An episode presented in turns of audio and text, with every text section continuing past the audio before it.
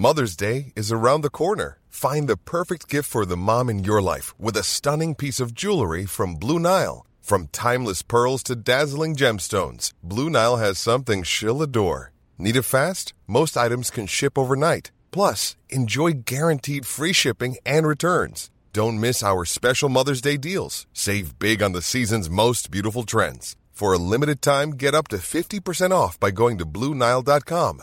That's BlueNile.com. Hiring for your small business? If you're not looking for professionals on LinkedIn, you're looking in the wrong place. That's like looking for your car keys in a fish tank. LinkedIn helps you hire professionals you can't find anywhere else, even those who aren't actively searching for a new job but might be open to the perfect role. In a given month, over 70% of LinkedIn users don't even visit other leading job sites. So start looking in the right place. With LinkedIn, you can hire professionals like a professional. Post your free job on linkedin.com slash people today.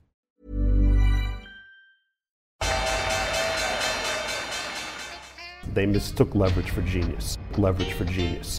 I would recommend Japan. The governments don't rule the world. Goldman Sachs rules the world.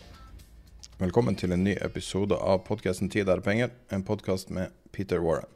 Dette er en episode med et ganske langt intervju på slutten, der vi har fanga opp en eh, veldig interessant kar som har tilfeldigvis hatt en av de mektigste rollene i verden i en av de viktigste tidspunktene. Intervju med en uh, som sitter, satt i rentestyret og stemte mot kvantive lettelser, så det blir litt artig å høre på. Ellers har Peter en uh, gjennomgang av året som kommer, og sine syn på mer eller mindre alt. Så hvis du vil høre hele intervjuet, vi legger med ca. halve denne episoden, så kan du gå på tiderpenger.no skråstrek Patrion. Uh, der ligger det også tilgjengelig. Men uh, stor del av intervjuet er i denne episoden. Da starter vi.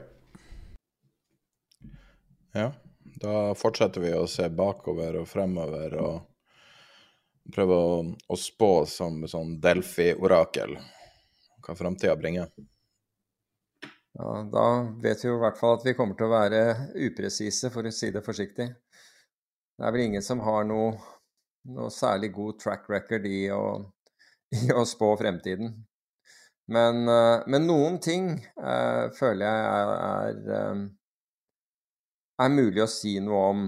Men hvis vi bare begynner med aktivaklassene, så kan vi jo snakke om aksjer. og det jeg tror kommer til å, å, å, skje med aksjer, det er jo den trenden som vi fikk i slutten av fjoråret, og spesielt de siste månedene, hvor, hvor korrelasjon mellom aksjer, altså mellom selskaper, mellom bransjer osv., forblir lav.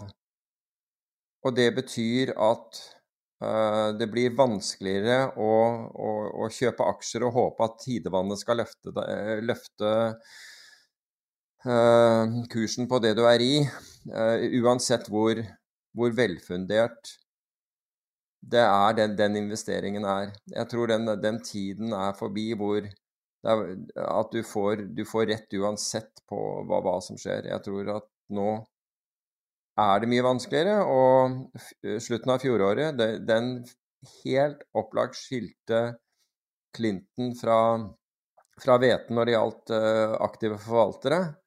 Er, nå skal jeg ikke si at det betyr at alle de aktive forvalterne som, som uh, tapte penger i de siste periodene av i fjor, er dårligere, dårlige nødvendigvis. Det kan være at de er bundet til å være forvaltere i visse sektorer.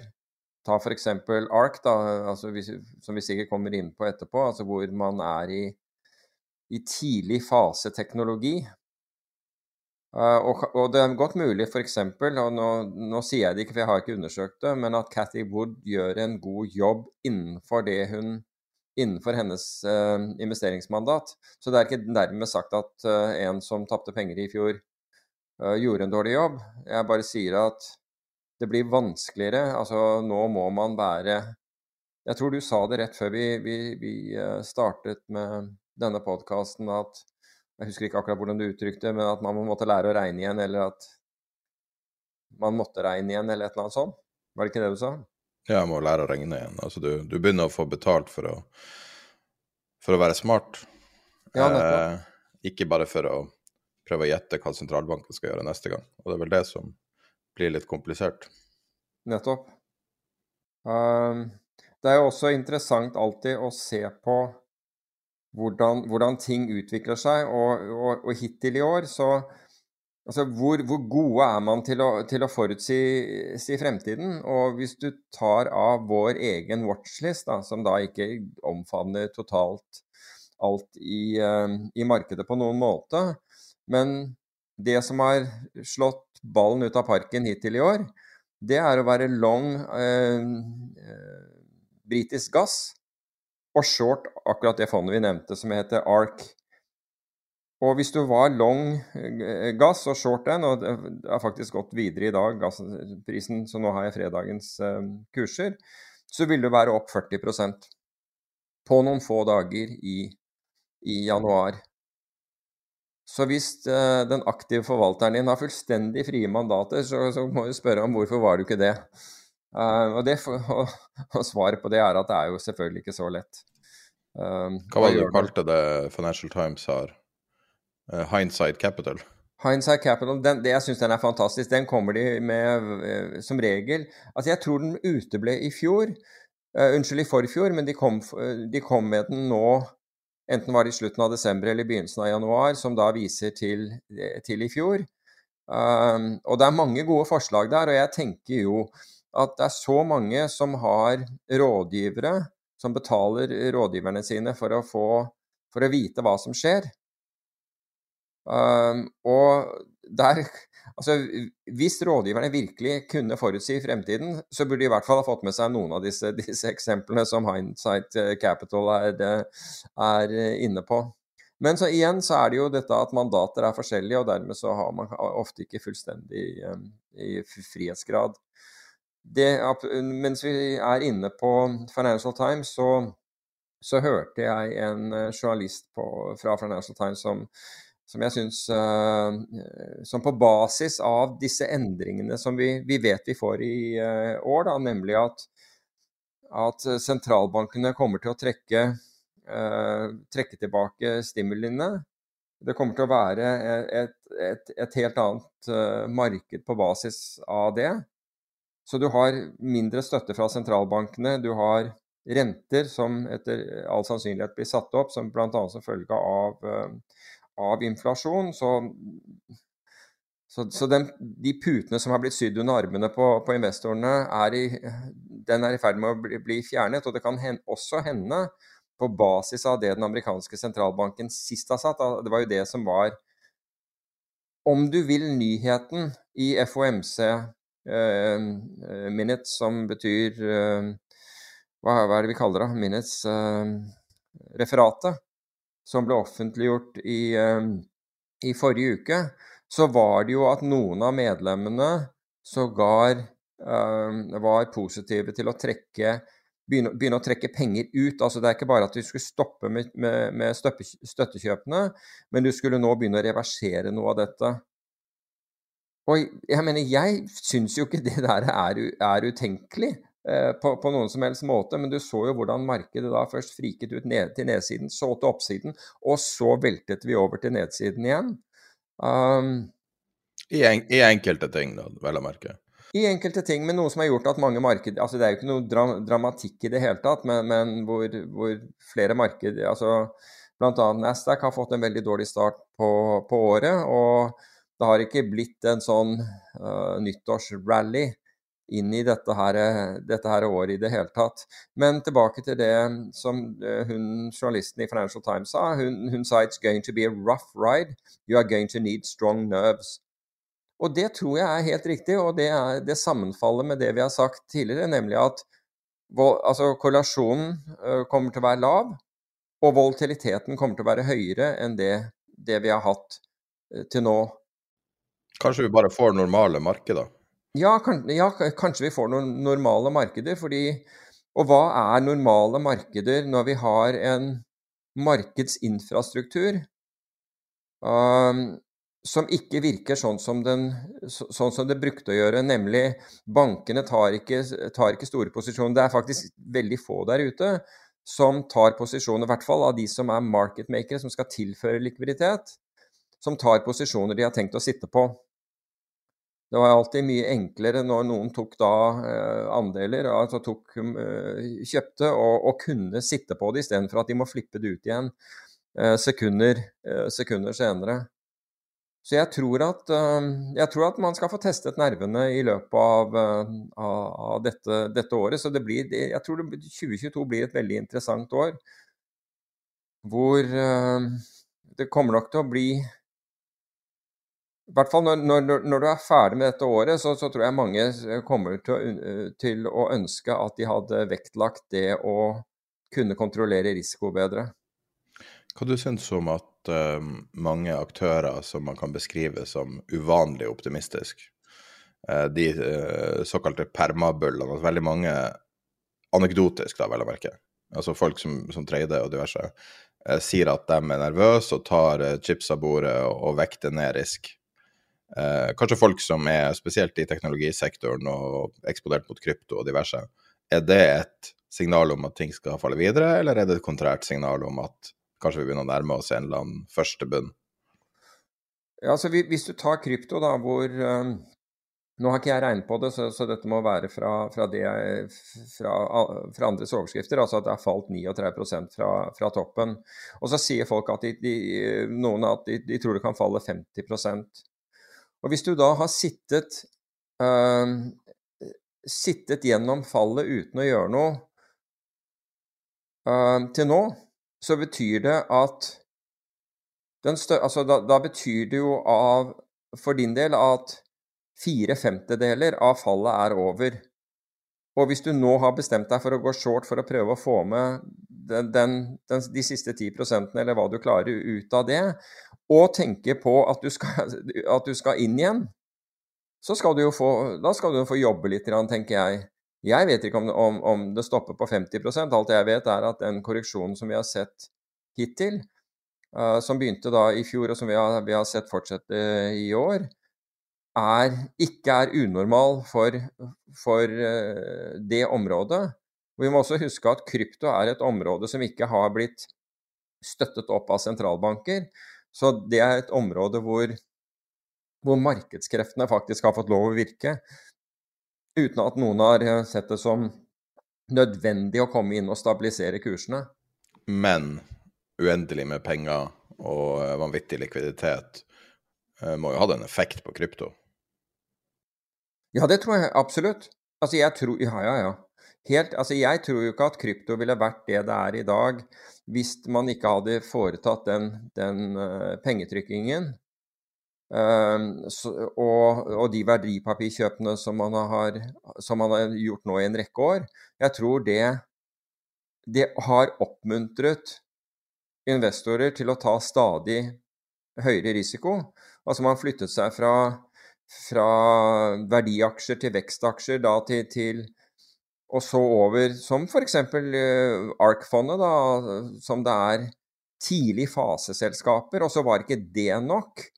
Og så begynte man, så var det krypto, og så begynte man med altså Så var det krypto slash Altså ble nesten overtatt av GameStop og, og AMC og, og, og, de selskapene. Og så var det out of the money-opsjoner som skulle kjøpes. Altså hele tiden så har man økt risikoen, økt eh, altså eksponeringen man, man, har hatt. Fordi en, en avkastning altså Nå ser vi tilbake på fjoråret, som for, for SMP 500 var ca. 27 eh, dividender inkludert, og Oslo Børs var vel opp ca. 23% som er egentlig fantastisk avkastning. Fantastisk avkastning på et år. Det er godt over og, og langt over gjennomsnittsavkastningen, bare, bare så det er sagt. Men de som har hatt 23 og og, og 27% avkastning er misfornøyd fordi eh, de som var i bitcoin har hatt 66 eller 67% de som var i Ethereum har hatt 400% de som var i eh, GameStop hadde over 1000% Så man føler med en tradisjonell portefølje, og gud hjelpe meg hvis man hadde obligasjoner i tillegg som i hvert fall på internasjonal basis var ned, så har man liksom blitt stående igjen på perrongen. For her, vi leser jo Uh, om ikke daglig, kanskje ikke ukentlig heller, men, men, i hvert fall i løpet av en måned så vil det være en eller annen som ble milliardær på noen måneder. Og det er klart at du føler jo at hvis du har 23% avkastning, så skjønner du at det vil ta noen Altså med, med mindre du startet med et veldig stort beløp, starter med et veldig stort beløp, så blir du ikke milliardær på noen måneder av det. Så, så jeg tror at altså man har jo da Og det har brakt nye aktører til, til markedet, og det så vi veldig gjennom GameStop, hvor man hadde veldig lite erfaring. Og så begynte faktisk, det er jo liksom et paradoks i seg selv, at de med minst erfaring begynte da å gi råd. De begynte å bruke nettet til å, til å, til å gi råd til andre. You can't make this shit up. Altså virkelig ikke. Altså når du, når, du, når du, ser på det, hvis du tar et skritt tilbake og ser på det. Kan jeg foreslå en uh, uh, Foreslå en, et spørsmål om kontrære trader? Hvis vi ser på to ting du nevnte, som er ARK og um, uh, Ja, vi kan ta ARK først. som har en drawdown på over 45% fra toppen, altså fall fra topp til bunn er det ikke på tide å i hvert fall vurdere en eventuelt kjøpstrategi på noe sånt? Hva syns du? Eller skal det ned 90% jeg, jeg vet ikke. Altså, hvis, hvis, du går tilbake igjen til .com, så, så falt det med 89 bare, bare så det er sagt. Men, men problemet er altså du du må, gå gjennom alle selskapene som har, har car og se altså, Gjelder forretningsmodellene deres fortsatt? altså Er det fortsatt håp i, i her? Og det er det sikkert, for hun har jo sikkert valgt ut. Det kan hende at, at det er At vi begynner å nærme oss noe der. Men jeg skrev om, om fornybar energi i forrige uke. Og eh, det har også falt ganske kraftig i, i, i fjor. Ikke så mye som som disse teknologiselskapene. Men det har falt kraftig, og det har falt kraftig til tross for at det kom masse penger inn i den, den sektoren. Men det ble etter min oppfatning utnyttet av, av meglerhus og banker til, til, å, til, til, å, dra selskapet på børs som antageligvis aldri skulle vært der, og i hvert fall til, priser som, som, ikke burde ha vært der. Um, men hvis du ser på den sektoren, så vet du at det, veldig mye penger skal investeres i den sektoren. Det er veldig mye, og det er et skifte som, som har, har, skjedd, og som i økende grad vil skje. Og Jeg nevnte bl.a. Aker Capital, som, skal, som, da skal ha inn 100 milliarder euro uh, i kapital, og det blir bare regnet som, um, som dråper i forhold til hva den, hva den sektoren kommer til å kreve. Så er det jo klart at her har du en underliggende stor endring i investormassen, og vi ser jo at man gjerne vil investere det, eh, investere i den sektoren. Så da er det snakk om å finne i, i den sektoren. Realistiske selskaper, altså sel selskaper som én holder det de lover, to um, tjener penger tidlig, uh, viser, viser, inntjening, viser en forretningsmodell som, som man er i, er i, stand til å forstå, istedenfor et fagert løfte som skal gi en vanvittig avkastning 15 år, 15 år uh, frem i tid. Så jeg tror de selskapene som møter de kriteriene Og de kriteriene er da blitt, etter min oppfatning blitt voldsomt strammet inn, det tror jeg de har. Uh, nettopp fordi det har gått så dårlig med så mange av disse selskapene i 2021. Så de selskapene som møter disse kriteriene kommer til å være rift om. Så Det var en eller annen som sa man, man skal ikke altså Det var, var feil å, å, prøve å ta tak i en fallende kniv. Jeg er helt enig. altså Alt annet like så skal man ikke gjøre det, men det er, det er, samtidig så driver alle. Det er ingen som har reservasjoner mot momentumhandel, og det er å kjøpe ting som, uh, så, som, som går til ny highs. De der er det ingen reservasjoner. Men når noe faller, og det er fornuft bak en, en, en, sektor, nei, da skal du ikke ta tak i det, for, fordi, fordi det, er, det, er, blitt vesentlig billigere enn det var på topp. Den, den logikken der, altså de to tingene satt sammen, det, det er kraftig dissonans i mitt, i mitt, hode. Så man skal ikke kjøpe noe bare fordi det, fordi det har falt, det er jeg helt enig i. Men hvis det er andre faktorer som kan legges på bordet som tilsier at, dette, at det kan være fornuftig, så syns jeg absolutt at, at man skal vurdere. Så jeg føler meg langt tryggere på å lete etter selskaper innen fornybar energi og fornybar, den fornybare eh, sektoren generelt, som har forretningsmodeller, som har gode forretningsmodeller med, med, med, med bra infrastruktur, kan tjene penger, har vist seg å, å, levere i forhold til det de sier.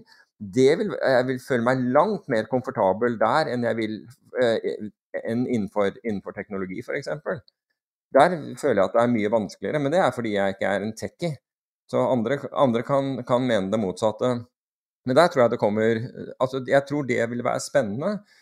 Men hvis du ser på Vi har snakket om dette med, med, med korrelasjon. Man må se på ting, ting som omikron, men det, der føler jeg at langt på vei så er man nå bekreftet at det er, det er mindre farlig. Det er, det er, mer smittsomt, mindre, mindre, mindre, farlig. Og forhåpentlig kan man få tilbake, komme i gang uh, med samfunn. Ikke det at det ikke har satt sine spor.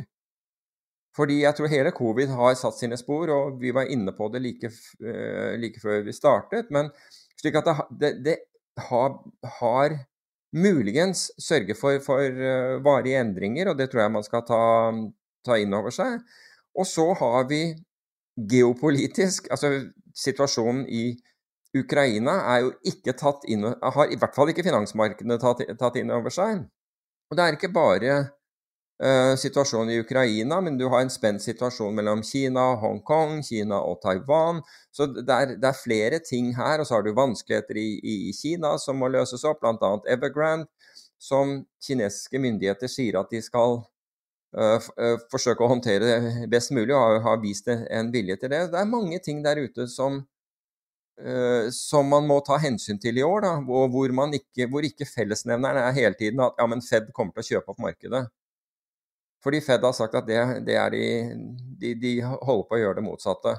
Så, eller de er, de er, i gang med det motsatte. Så, så det, er den, det er liksom aksjebiten av det, og delvis uh, krypto. Hvis vi går til obligasjoner, så kan jeg ikke med den inflasjonen som vi ser på, på global basis, tro noe annet enn at det er en lite attraktiv aktiva-klasse i øyeblikket.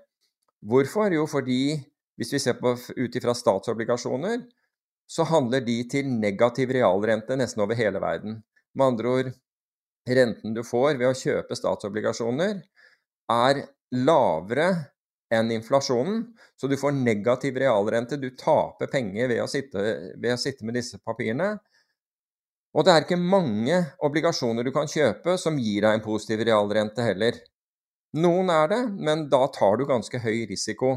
Og da er det spørsmål skal du gidde å ta den risikoen i den type obligasjoner, eller burde du heller ta den risikoen innenfor aksjer, hvor du kan komme deg Altså obligasjoner, altså high yield og alt dette andre, er, utrolig, er svært lite likvid dersom markedene faller. Det har, det har finanskrisen vist, det har uh, covid-krisen vist.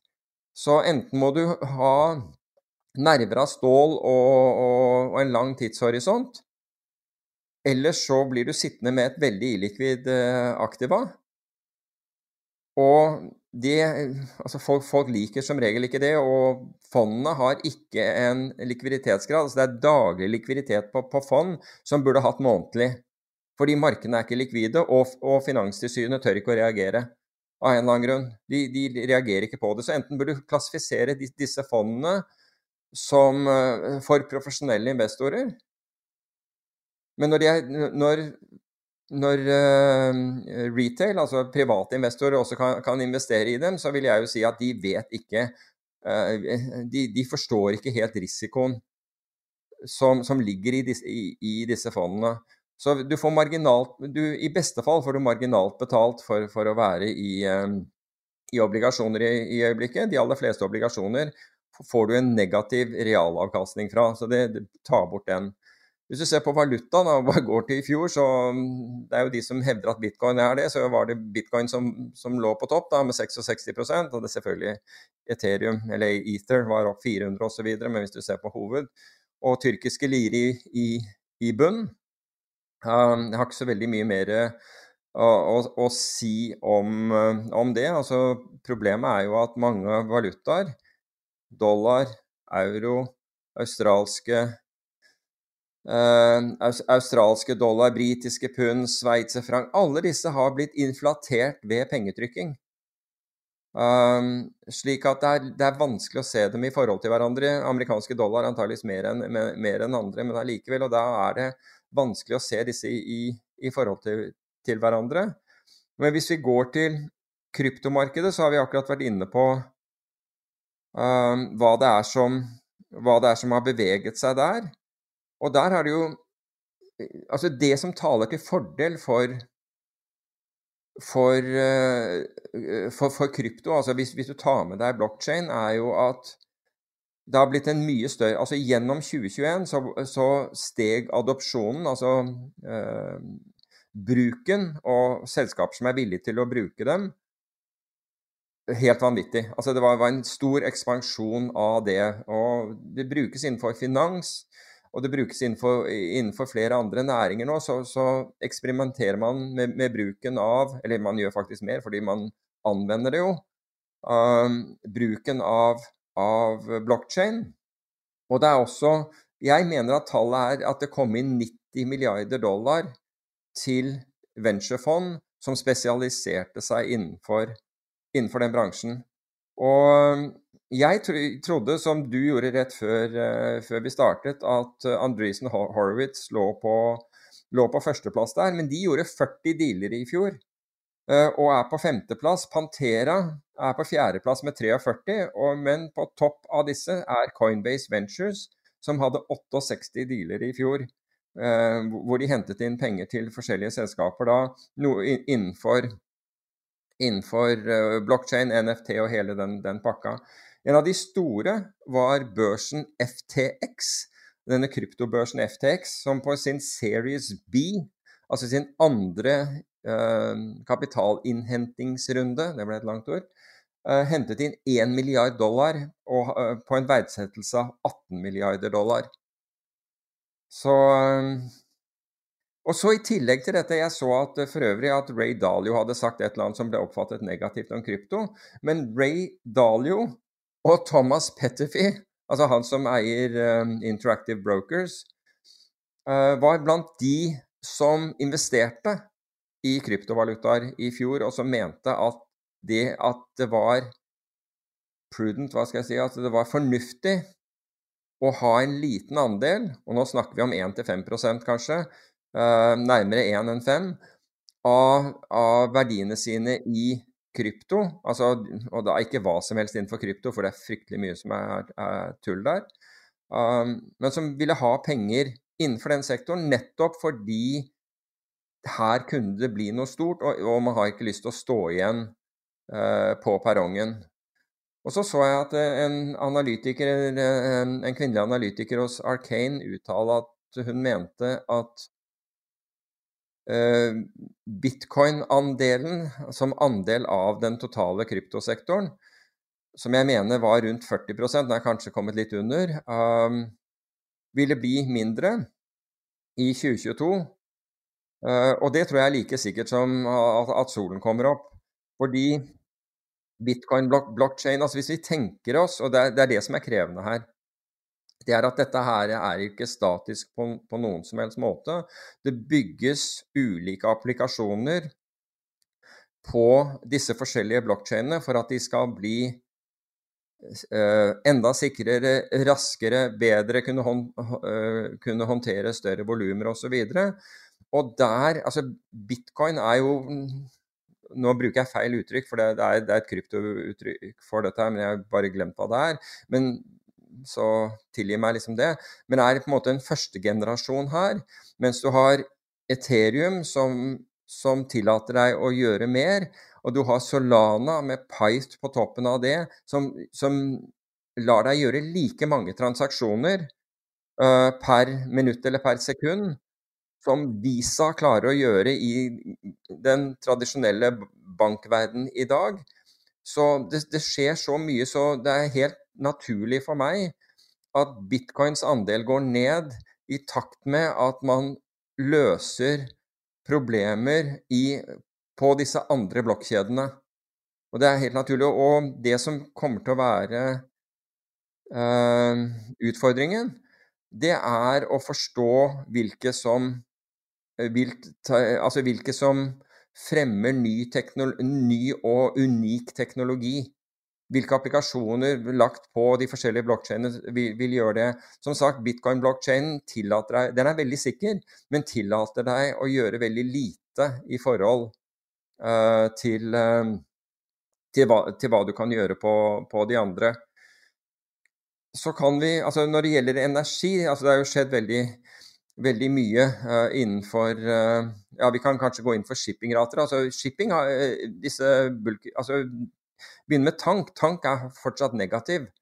Altså Så, så tankredere må fortsatt betale for å frakte, for å, for å frakte olje. Det er jo en tragedie i seg selv, men så kan man si hvorfor i all verden gidder de å betale for å frakte olje? Jo, for hvis skipene står eh, ligger, eh, ligger, i opplag, så koster det dem, altså pga. lånekostnader osv., altså rentekostnader osv., så, videre, så, så koster det dem mer. Så de opererer med negativ, eh, negativ fraktrater. Det gjør man ikke innenfor Eh, innenfor eh, bulk og, og, og, container, selvfølgelig. Men, der er også, men ratene har kommet ned, om det er midlertidig eller ikke. Det, altså, nå kommer de ned fra veldig høye nivåer, da, det, det, det, skal sies. Men flaskehalsene eksisterer jo fortsatt.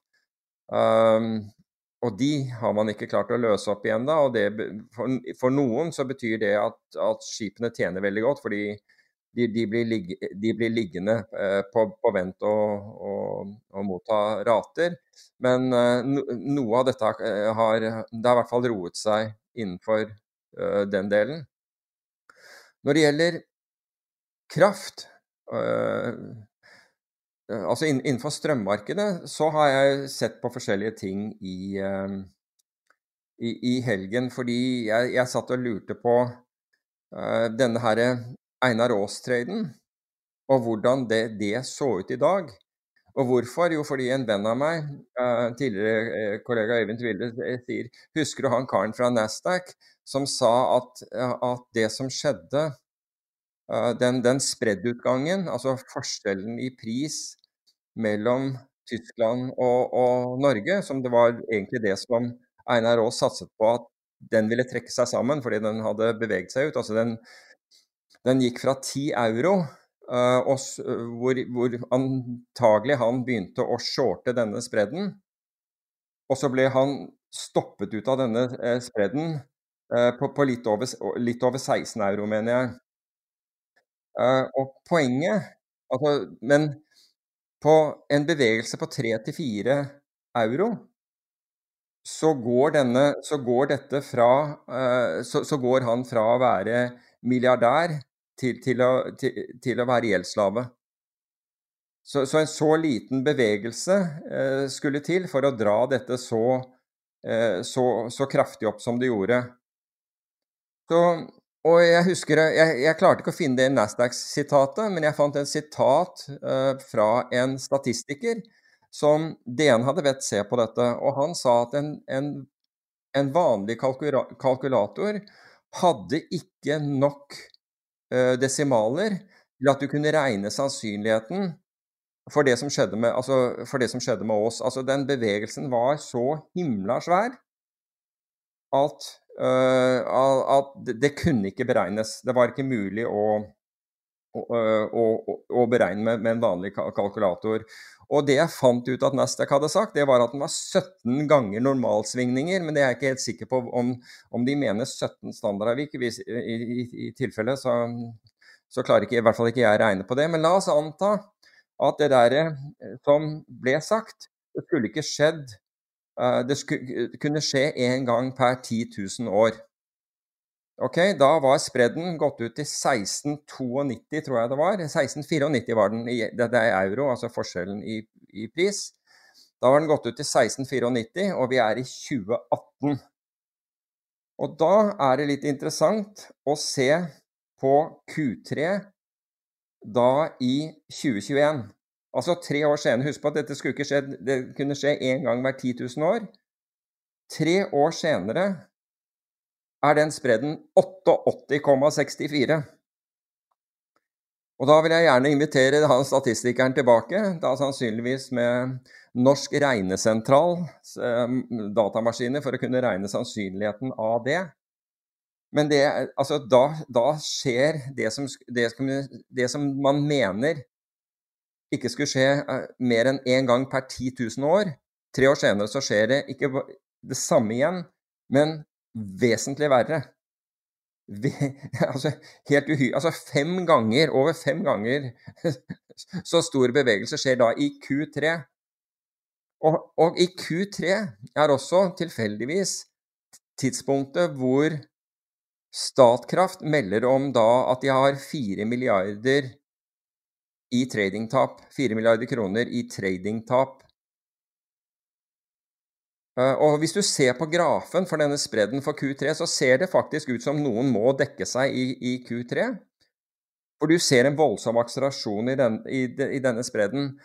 Nå skal det sies at det er vanlig, altså hvis man er trader, så er det Eller for å si det på den måten, det er slett ikke uvanlig at man, at man tar posisjoner på, uh, på, på, slike forskjeller. Du ser det der går ut, og der fins det ikke uh, eh, fins det ikke historikk for, og du tenker at det, der, det her må gå, gå, sammen.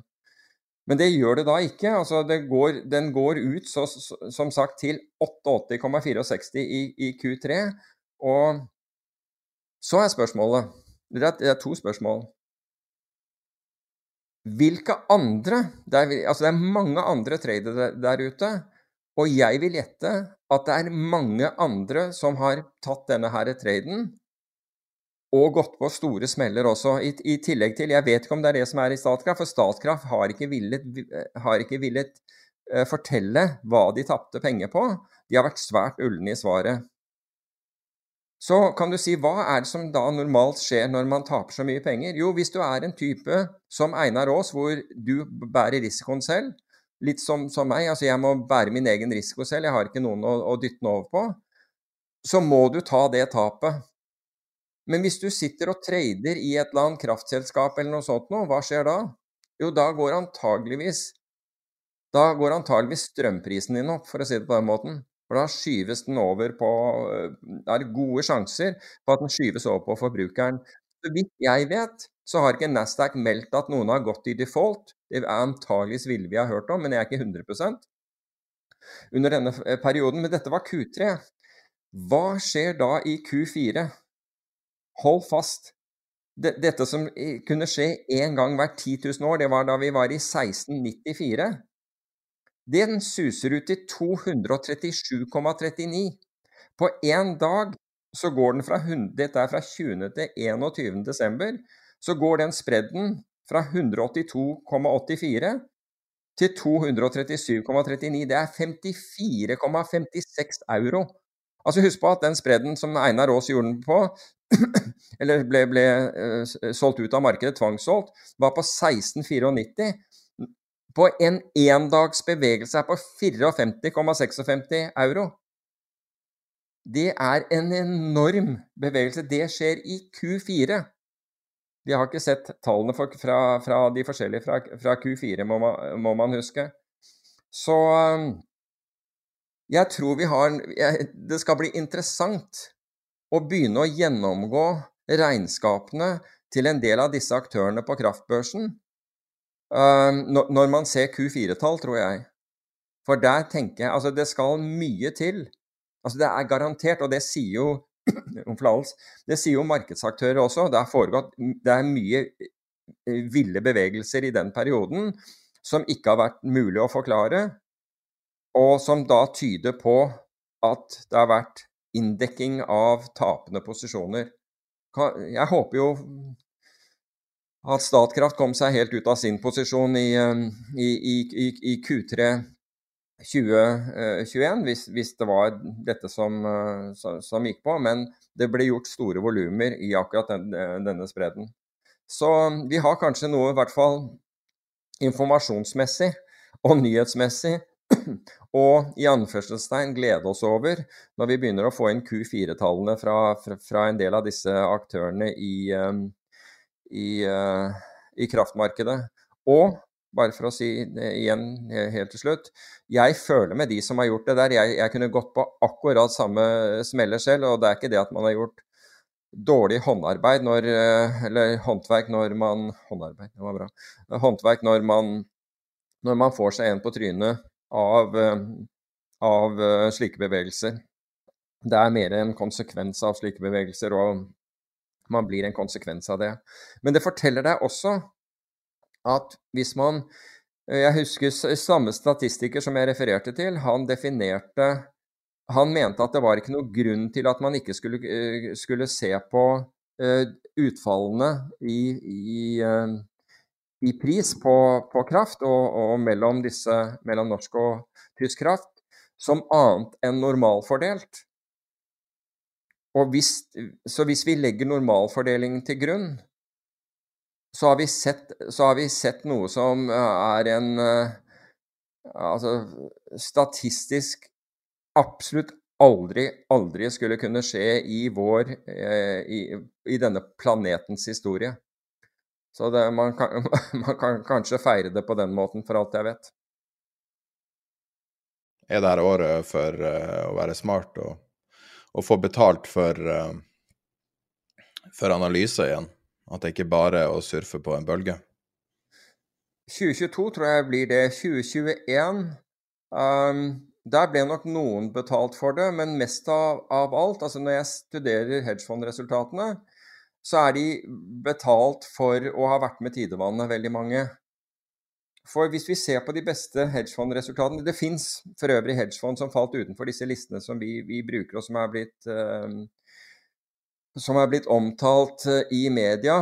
Og det har vært hedgefond som bl.a. Har, uh, har spesialisert seg på, på frakt og, og, kraft og alt mulig sånn. Um, apropos det, da må jeg samtidig få lov å nevne at ja, dette var i jeg finner ikke på listene, men ifølge Financial Times så har han, eh, han Jon Hannisdal, som vi snakket om tidligere med dette Cleaves-fondet som skulle som skulle starte, han har faktisk gjort det veldig bra. Og i hvert fall en, mot slutten av desember var han opp 42% hvis det er riktig. Hvis det, artikkelen er riktig. Og det må jo sies å være et ekstremt bra for, for ekstremt bra for eh, en, et debutår som han Og det var jo bare en del av debutåret hvor, eh, hvor han var i gang, så vidt jeg, så vidt jeg vet. Så hadde vi hatt, eh, hadde vi hatt tallene, de nøyaktige tallene, skulle vi tatt det også. Jeg tenkte at det i hvert fall er verdt å nevne det. Men ellers så er det jo på, på listene HSBC så er det jo Senvest som, som er på toppen med en, med en avkastning på 85% Altså de har en Senvest har litt over 3 milliarder dollar i, eh, i, forvaltningskapital. Og jeg vet at de var en av de som gikk long GameStop da eh, Melvin Capital bl.a. Gikk, gikk short. Så de tjente voldsomt uh, på den. Det er nummer to på listen der, altså HBC. Og som nummer én på listen til Hedge Nordic er Acendo, dette, dette svenske uh, de, uh, fondet. Eh, det er da eh, vesentlig mindre. Jeg tror de har ca. Ja, de har vel 0,3 eh, milliarder euro under forvaltning, altså si ja, røftlig 3 milliarder kroner da, under, under, forvaltning. Og på tredjeplass så er det Borea utbytte med, med, med 54% Nå har vi ikke fått desembertallene, så det kan være at de er noe bedre. Og de har, eh, de har, noe sånt som rundt rett i overkant av 1 milliard eh, kroner til forvaltning. Men det som jeg tenker er, er spesielt for disse tre, det er at de er Og det svenske er helt klart er, er, De er longfond i vestlig grad. De er longfond med giring, selv om Borea utbytte eh, Jeg så han, han Magnus Wie Sundal uttale seg på jeg tror det var på, på Twitter, hvor han kaller det et aksjefond. Og da er det jo ikke et hedgefond. Hvis du er der, da er, du, da er det jo egentlig et aksjefond med belåning. Men allikevel, altså Hvis du har klart et, et, en avkastning på, på, over 50% så har du gjort det vesentlig bedre enn børsen. Og det er da avhengig av da hvor, hvor stor belåning du har. Men for investorer, da så hvis, hvis en investor går til Eh, til hedgefond fordi de vil ha diversifisering i forhold til aksjefond, så får du bare økt risiko i forhold til de f.eks. indeksfondene du har, hvis du velger det. Hvis du derimot velger et av disse fondene istedenfor å, å gå inn i, i indeksfond, så er det en annen sak. Men jeg må innrømme at jeg er uh, skuffet, må jeg jo si at jeg er, at, at Hedge Nordic tar inn rene longfond i en hedgefondindeks. Altså de, kan, de, de, hører hjemme et eller annet sted, men, men, de er ikke hedgefond. fordi her er det ikke noe altså Mange av disse sikrer ikke i det hele tatt. Hvis du er eh, long, small and medium sized company, som tilfellet Acendo er, så er det ikke noe hedge i det. Annet enn at du er, du, har, du, du er, long flere selskaper. Men det er jo et uh, vanlig aksjefond også. Jeg tror de fondene er mer interessert i 2 and 20 enn de er interessert i å være hedger. Ja, alle er ikke 2 and, altså 2 and 20 er vanskelig altså Snittet av fond får ikke 2 and 20 eh, lenger i, i, det hele tatt. De får mindre enn 1,5 og, og, og røftlig 15, men det finnes noen der ute som, som fortsetter å ha 2 and 20. og det, det, betyr at du får veldig lite, bl.a. veldig liten uh, andel fra institusjonelle investorer, fordi de har helt klart uh, sluttet å betale høye fees. Så Men, men jeg syns at det gjør verdien av dette med hedgefond. Nå det, har det jo alltid vært sånn at hedgefond er um, At mange hedgefond har egentlig bare vært aksjefond med belåning. Det er jo det jeg mener, at uh, de er interessert i betalinga, ikke så interessert i hedgen. Altså ja, det kan være. Eller de er ikke i stand til å skape avkastningen på andre måter. Altså, men, det, men, det, kan jo allikevel være god avkastning. Altså hvis, hvis jeg istedenfor Eh, hvis jeg vil ha den markedseksponeringen, altså jeg vil være long aksjer, så kan det jo være et alternativ for meg til å være long aksjer hvis de, hvis de gir en bedre avkastning. Hvis de klarer å gi en bedre risikojustert avkastning enn, enn å ta et, eh, et vanlig indeksfond og belåne det, så, så, så tilfører det jo absolutt verdi. Hvis den risikofrie avkastningen er, er dårligere enn om jeg Eh, enn om jeg belånte et vanlig aksjefond, moderat, så er det jo så, så, så da, altså, da betaler du for noe du egentlig ikke får, etter min oppfatning. Men uh, det, det, er It's a free market. Uh, jeg bare syns at det er dumt å blande inn long only-fond i, um, i, i hedgefond.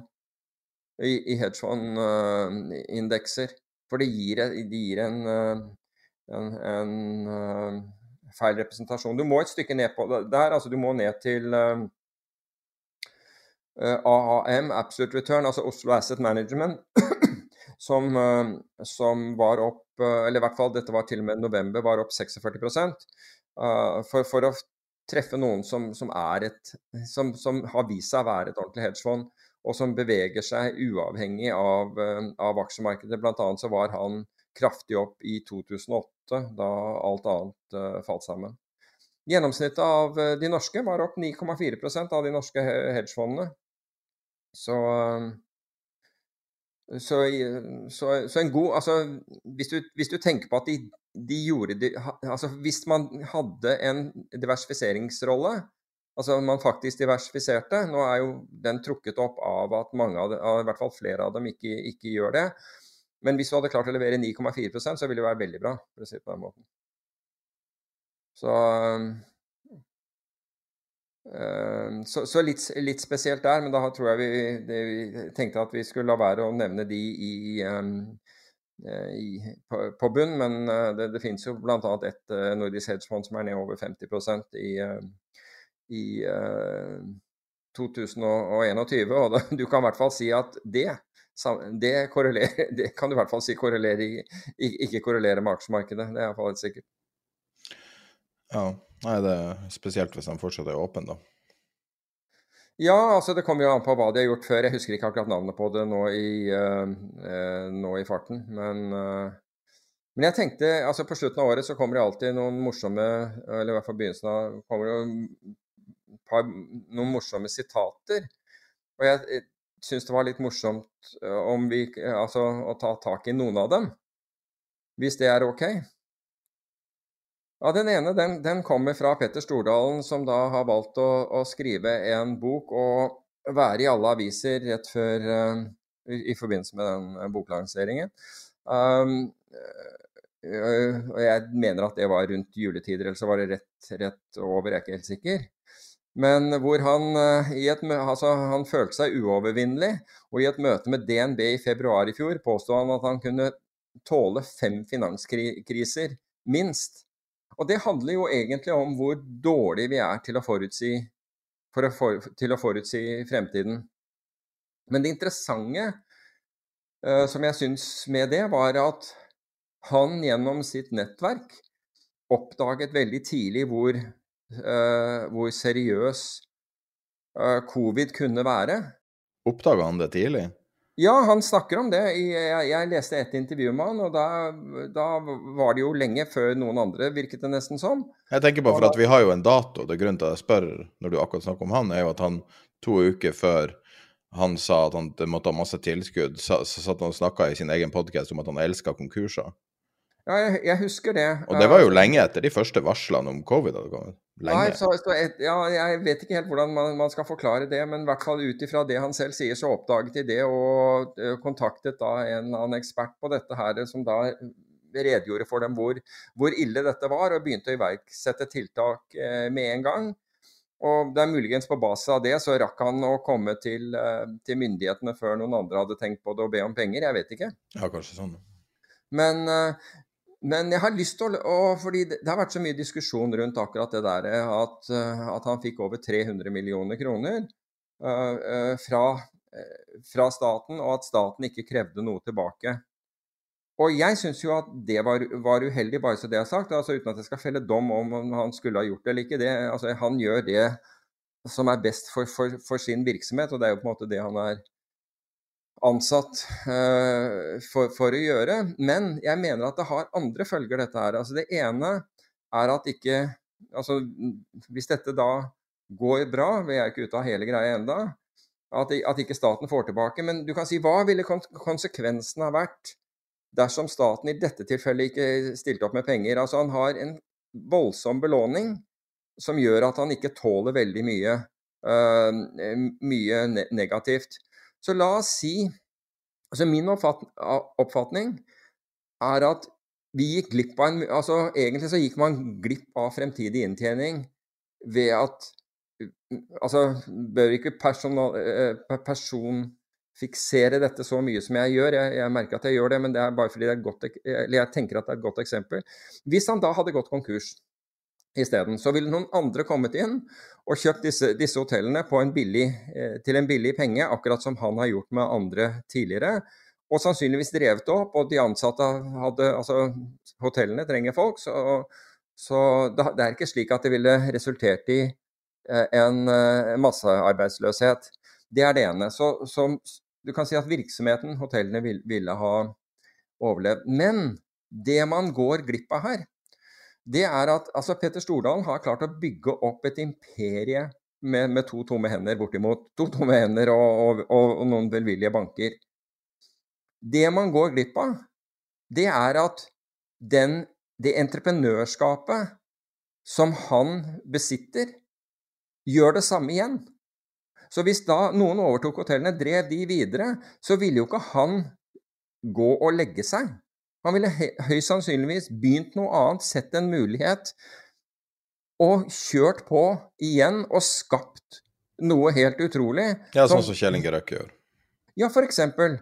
Ikke sant? Altså, derfor så sier, og poenget mitt er at man gikk glipp av Ved å verne om å gi disse, disse pengene, så gikk man glipp av den muligheten. Man gikk glipp av et jeg håper å si skaperverk, det høres nesten religiøst ut. Jo, men jeg, jeg, skjønner Altså, det er BNP negativt, på en måte. Ja. Fordi at nå er han igjen fornøyd og sitter med 10 000 ansatte, eller gud vet hvor mange, og alt det der, og, og, og liksom har et veldig lite insentiv til å trykke på. Pluss at man får ikke vaska ut problemer. Ja. Så, så, og, og du, får, du, får, på en måte ikke den derre naturlige dreiningen som gjør at at eh, de som tar risiko over evne, faktisk tar risiko og må betale for det innimellom, men som gir andre en mulighet. Så du får ikke denne utjevningseffekten som kapitalismen egentlig er basert på. da.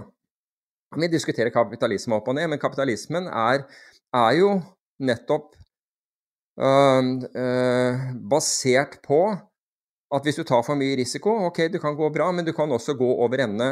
Det skal ikke være sånn at hvis du tar for mye risiko, og det går bra, så får du pengene. Og hvis, hvis det går dårlig, så, så tar staten det. Ta, ta, ta staten regninga. Det, det, er ikke kapitalisme, bare så det er sagt.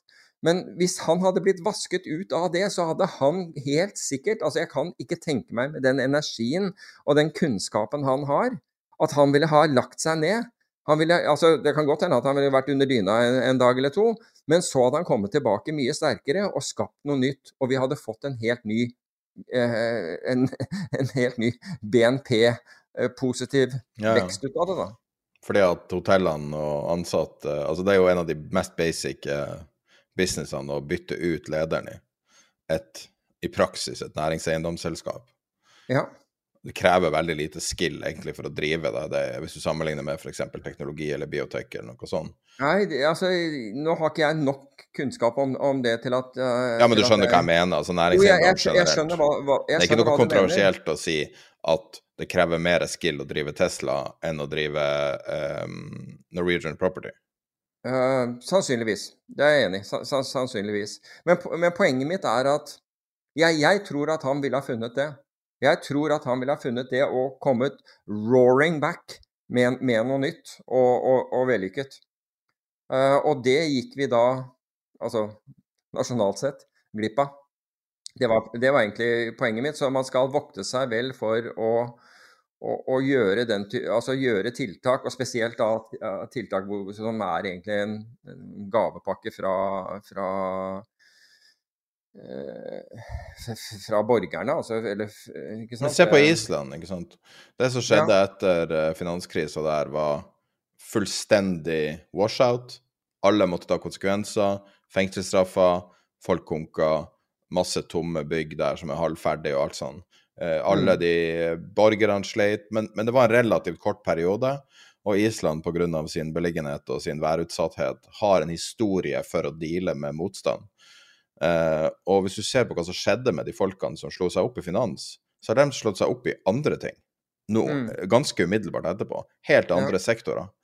Og, og, det er jo en fascinerende utvikling, og det er jo noe som veldig mange som er da motstandere av kvantitative lettelser, har skjedd mot og ønska at man skulle gjøre en mer Island-modell. Men nå har det jo gått så langt, så nå kan man jo ikke gjøre det. Nå er jo byrden for stor og for tung. Ja, ja. Men nå gjør de nå i hvert fall noe som føles litt anstendig med å stoppe pengetrykkinga. Mm. Så får vi bare se. Jeg, jeg, tror bare det går tilbake til at plutselig så bare Å ja, OK, en business skal tjene penger. Å ja, OK, det, det er det som er viktig. Ja. Så begynner man å finne ja. på nye uttrykk for å kalle være å være cash-positiv eller å, å være profitabel. Jeg hørte et nytt uttrykk. Uh, default alive og default dead. Mm. Så idiotisk å finne på nye ord. Kan du bare si profitabel? Kan ikke du bare kalle det profitabel? Det er jo det det alt dreier seg om. Og, um, og det, er jo, det, er jo, det alt koker ned til nå. Det er at nå får du ikke lenger kunstig hjelp av inflasjon. Nå må du skape det sjøl. Mm. Ja. Det blir, det blir, spennende å se. Og så har jeg et, et sitat til, og det, det, kommer fra Jan Petter Sissener, som sier at indeksfondtrenden gjør det lettere for aktive forvaltere. Det blir mer og mer idiotpenger og bedre og be, bedre øh, Og bedre og bedre vare for oss. For det, er, det her har jeg skrevet av feil. Uh, altså, det var bedre og bedre for uh, for aktive forvaltere, da, sier han til en eller annen avis, jeg husker ikke hvilken. Hvilken det var. Og der Altså, jeg tenkte på det der eh, sitatet hans, og det, det rare var at over, over jul, altså jul, mellom jul og nyttår så leste jeg boken til Robin Wigglesworth som heter 'Trillion', som handler om dette med indeksfond. Og, og, altså For det første er det en fantastisk historiefortelling. Altså For folk som vil inn i finans og og ønsker å forstå finans, burde virkelig altså Jeg må jo si det der. altså Jeg holder igjen når, når, noe blir ekstremt populært, som jeg skjønte at denne ble, så pleier jeg alltid å holde igjen litt. Uh, jeg, jeg, er ikke den som på en måte hiver meg på, på, den der bølgen. Men så hørte jeg han i et par intervjuer, og så tenkte jeg at han, han, han sa ting som uh, var uh, Som jeg ikke var enig i, men som, han, som jeg syns at han grunnga veldig godt, da, og så, som fikk meg til å tenke. Og så tenker jeg la meg nå lese denne boken. Og det angrer jeg ikke på. Jeg har en liten overraskelse, da. Ja vel? Eh, I løpet av opptaket nå så fikk jeg melding fra Gyllendal om at uh, uh, Trillions er lagt inn på vår eh, bokhandel som, um, som vi har i samarbeid med dem. Ah, nice. Eh, så det eneste som mangla, var sitatet, så jeg skrev i sanntid noe melding med det du nettopp sa. Å, ja. Eh, og det finner du um, Vi har jo noen eh, Vi har vel en liste på ca. 85 bøker, tror jeg, som er i ferd med å legges inn. Og så gradvis legger vi inn én etter én. Og den finner du på tiderpenger.no skråstrek bokanbefalinger, eller du går i menyen og klikker bokanbefalinger. Så den, når episoden går ut, så vil den ligge der. Lytterne kommer jo til å tro at det der var avtalt, men jeg kan love på tro og ære at det var ikke et, av, det var ikke et avtalt spill mellom med, Nei, du visste at den kanskje skulle komme inn, men at vi ikke Ja, hadde altså fått det? jeg, altså jeg har jo vært veldig for at den gjorde det, nettopp fordi jeg ble såpass begeistret. Men bare tilbake til dette, altså det sitatet til, til, eh, til eh, Sissener, nemlig at indeksfond gjør trenden lettere for aktiv forvalter osv. Der Nettopp det omtales faktisk i boken. Og der blir analogien brukt eh, med, med et pokerlag. Og som man sier der, er at når i, et po i, altså i en, eller en poker Hva kaller du det? Konkurranse? Nei. Poker Hva er det du kaller det?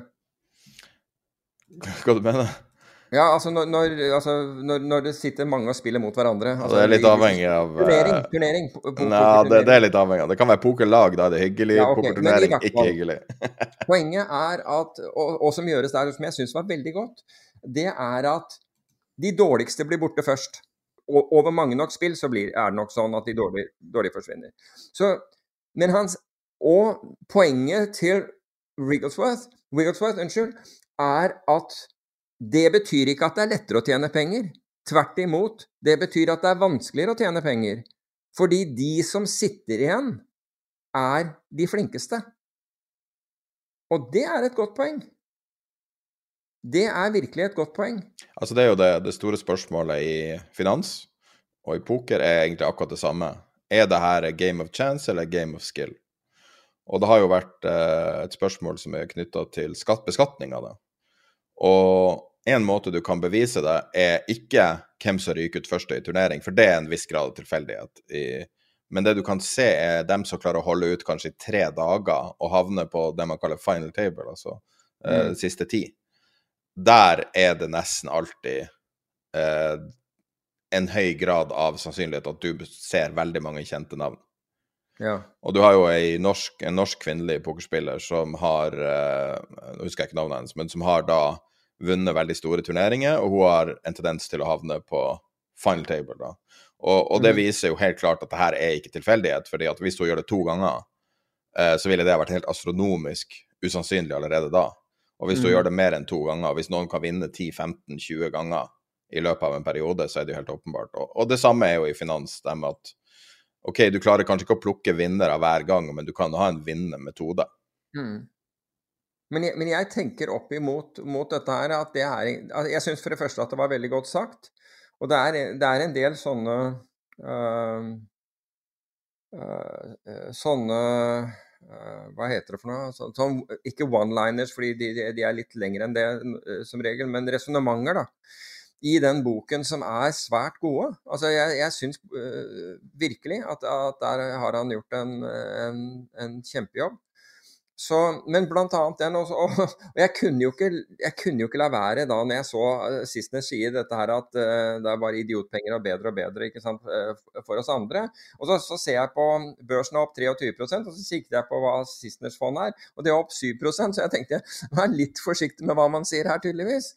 Men så så jeg på, på, på Sissener over tid, og da har han gjort det bedre eh, enn indeksen. Men det er jo klart for øvrig, apropos det å være Han følger jo aksjeindeksen. Altså Avkastningen på fondet hans følger jo aksjeindeksen, så det er en, det er en, det er en høy korrelasjon mellom, eh, me, mellom ø, Altså positive resultater for han og positive resultater for, for, for aksjemarkedet. Men poenget mitt var, var egentlig den, den tankevekkeren, da. Og det er jo faktisk sånn det er. altså Når du blir sittende igjen med stadig stadig smartere folk ved bordet. Og, det mer, altså du kan, og, og sånn gjelder jo litt ut ifra Det er jo noen som har valgt f.eks. å handle norske small cap-aksjer. Og det er klart, i, i norske small cap-aksjer så møter du sikkert veldig mye mer småsparere, og mindre grad fond og den type ting. Altså forvaltere som bruker mye ressurser på analyse. Og det vil jo si at eh, alt annet like, så skal det være lettere å tjene penger i det enn å forsøke å tjene penger på, å handle SMP 500 eller euro-dollar eller amerikanske statsobligasjoner eller noe sånt. For der, du, der vet du at alle har satt seg til bord, alle de smarte sitter ved bordet. Og det, det, betyr ikke at man skal se ned på de som, de som kun handler norske small caps, for, for, å si det på den måten. Fordi de er definerte som 'hvor kan jeg lettest tjene penger'? Det, det samme, altså Du kan jo ta pokersammenligninga enda lengre, da. Ja, kom igjen. Jeg vet ikke om du husker når poker bygde seg opp på 2000-tallet? Nei, jeg har ikke fulgt det. Ja, Det kom ut av intet. De gjorde ei, ei teknologisk endring som gjorde at du kunne se kortene folk satt med på TV. Og da du kunne se på det mer som en idrett. Og plutselig var det her TV-underholdning nesten over natta, sånn 2004-2005. Og så eh, vokste alle de her internettsidene opp som drev med pokerspilling på nett. Og da ble det en kultur ganske raskt. Og da var det eh, alle de dumme pengene mot alle de smarte pengene. Og da, satt, da, da dukka konseptet pokerproff opp i stor eh, stand, og da ble det enkelte folk som da tjente konsekvent mye penger på spillet, fordi de visste de spilte mot 80-90% dumme penger. Folk som ikke kunne regne odds, så de kunne sitte og, og spille på odds hele tida. Altså ikke ta sjanser, bare konse spille konsekvent, spille mange bord samtidig og grinde ut uh, solide um, returns. Og så kom det regelendringer, litt sånn som i finans. Og så plutselig så begynte de her uh, dumme pengene å falle fra. Folk f.eks. kalkulerte med å spille seint på kvelden da det var høy andel av folk som var full som spilte. Så kom jeg hjem fra byen og spilte i fylla, og da spiller da eh, generelt sett dårligere. Og så kom en regelendring, men de her pokerproffene de jobba jo med det her. Så de fant mm. uh, veier rundt regelendringer. Litt sånn som i Norge, at det er jo alltid veier rundt alle regelendringer. Det er jo bare sånn, sånn det er. Så lenge det ikke er helt ulovlig. Og, um, og, så endte de opp med at plutselig var det plutselig veldig vanskelig å tjene penger. For da satt de bare og spilte mot andre pokerproffer, folk de hadde historie med og kjente navnet på og alt mulig. Og, og, og da forsvant den, det yrket nesten helt. Fordi at det var ikke nok dumme penger i markedet. Og det er jo litt Man kan jo si at det er litt det motsatte som har skjedd det siste året. Der vi fikk inn det man, man historisk sett har kalt dumme penger. Mm. Eh, inn via eh, GameStop-relaterte ting. Og likevel så virker det som at proffene ikke har klart å utnytte det. Det var en interessant dynamikk. Eh, jeg så på, altså DNB har jo dette fondet. og hun, eh, Hjerte, hun eh, kvinnelige forvalteren, hun tror jeg sluttet å begynte å gjøre noe annet innenfor DNB. Så jeg er ikke sikker på hvem som forvalter det nå. Men det er DNB Multistrategy som var opp 4,7% Og det slo meg da, da, jeg så altså Når jeg ser DNB Multistrategy altså DNB er jo altså Vi har jo snakket om Millennium med det setupet de har med uavhengige forvalterteam, ikke sant, som alle bidrar inn mot, mot, mot et hovedfond og har veldig sterk eh, eh, Veldig stramme eh, risikomandat. Og Millennium altså, og DNB Jeg vet ikke hva DNB Multi-Asset egentlig eh, for, for, så vidt driver med, men jeg tror ikke det er det de driver med. Men de er opp 4,7, mens de kunne jo på med, altså med de ressursene som DNB har, så kunne de ha laget et sånn fond som vi har snakket om tidligere, som f.eks. Millennium har, og Citadel har, og D. Shaw har, og Point 72 har. De kunne jo laget et sånt fond med å ha sånne forvalterteam. Da ville DNB forvaltning blitt tilført veldig mye mer kunnskap. Og, og forhåpentlig, altså gjennom det altså Meglerbordene hadde fått massevis å, å, gjøre i tillegg, altså av, av, av ordre. Men i tillegg så kunne man tilbudt investorene et den type produkt. Da. For Hvis vi ser på Millennium, så var de, altså de var opp over 20% året før. Nå, de var opp 13,5% i, i fjor. Citadel sitt Wellington-fond var opp 26% og de Shaw er opp, er opp 19% Og det er liksom den samme type Alle har den, bortimot den samme type modellen. Og jeg bare tenker at det måtte jo vært utrolig for, for noen som har de ressursene som eh, DNB forvaltning har, og gjort, og gjort, noe sånt. Jeg vet ikke om de har noen gang tenkt på det, men når du først eh, er med i hedgefond-gamet med et multi-asset-fond, så kunne du jo også ha hatt et sånt multistrategifond på, på, på den måten. Det var egentlig det jeg hadde å, å tilføye under, under hedgefond, og da fikk vi også resultatene til noen av de store kjente der også. Så Dagens Næringsliv har uh, fikk meg til å gjøre noe jeg ikke har gjort på lenge. Jeg måtte logge meg på Buy and Read og kjøpe lørdagens utgave manuelt. Uh, for å lese det her uh, i, i PDF-format, for jeg ville se det i riktig format. Den Arctic-storyen? Ja. Og det er litt av ei Det virker som at hele redaksjonen har jobba med den omtrent, og sikkert brukt veldig lang tid. En sak som vi kanskje aldri har sett maken til i Norge, som berører eh, omtrent alle, mm, alle aktører av eh, størrelse innen finans. Det berører da selvfølgelig i veldig stor grad Arctic Securities, som eh, har vært et nesten, nærmest myteoppspunnet bedrift i lang tid, som har jo hatt så utrolig stor suksess. Og det går eh, veldig hardt til verks eh, på lederplass de gjør noe som er ganske uhørt. De sammenligner dem med Enron, eller sier ordet Enron i lederen når de skal introdusere denne saken. Gjorde de, og jeg fikk ikke det med? Okay. Nei, det sto i lederen i den.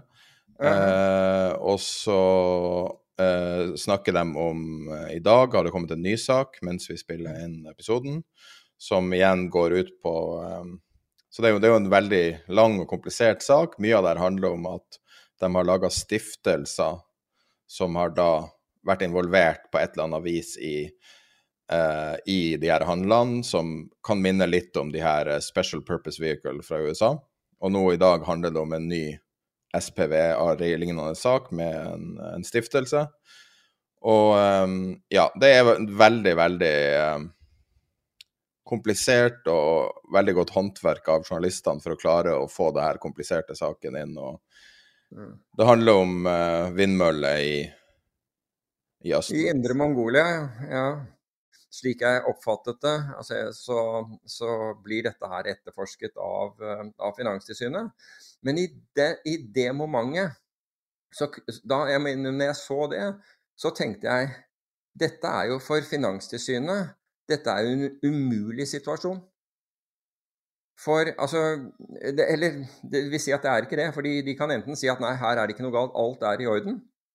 Det er helt opplagt ut ifra Finanstilsynets ståsted det beste de kan gjøre.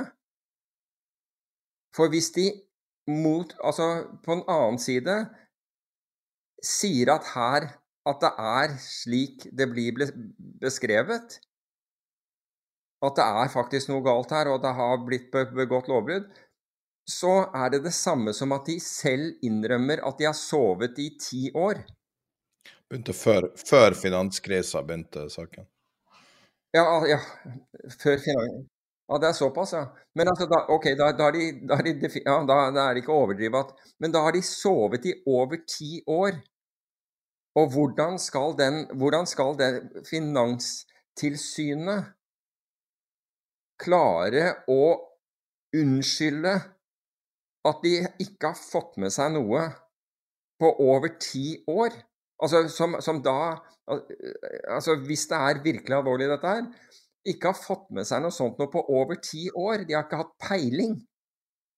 Da, altså, og i tillegg så er dette et, som du sa sånn, Eller jeg, kanskje var, jeg husker ikke hvilket uttrykk du brukte, men jeg tror, de, jeg tror DN brukte gullkantet uh, meglerhus, hvor hvor ansatte sitter i, i regjeringsoppnevnte komiteer, og det er liksom ikke måte på.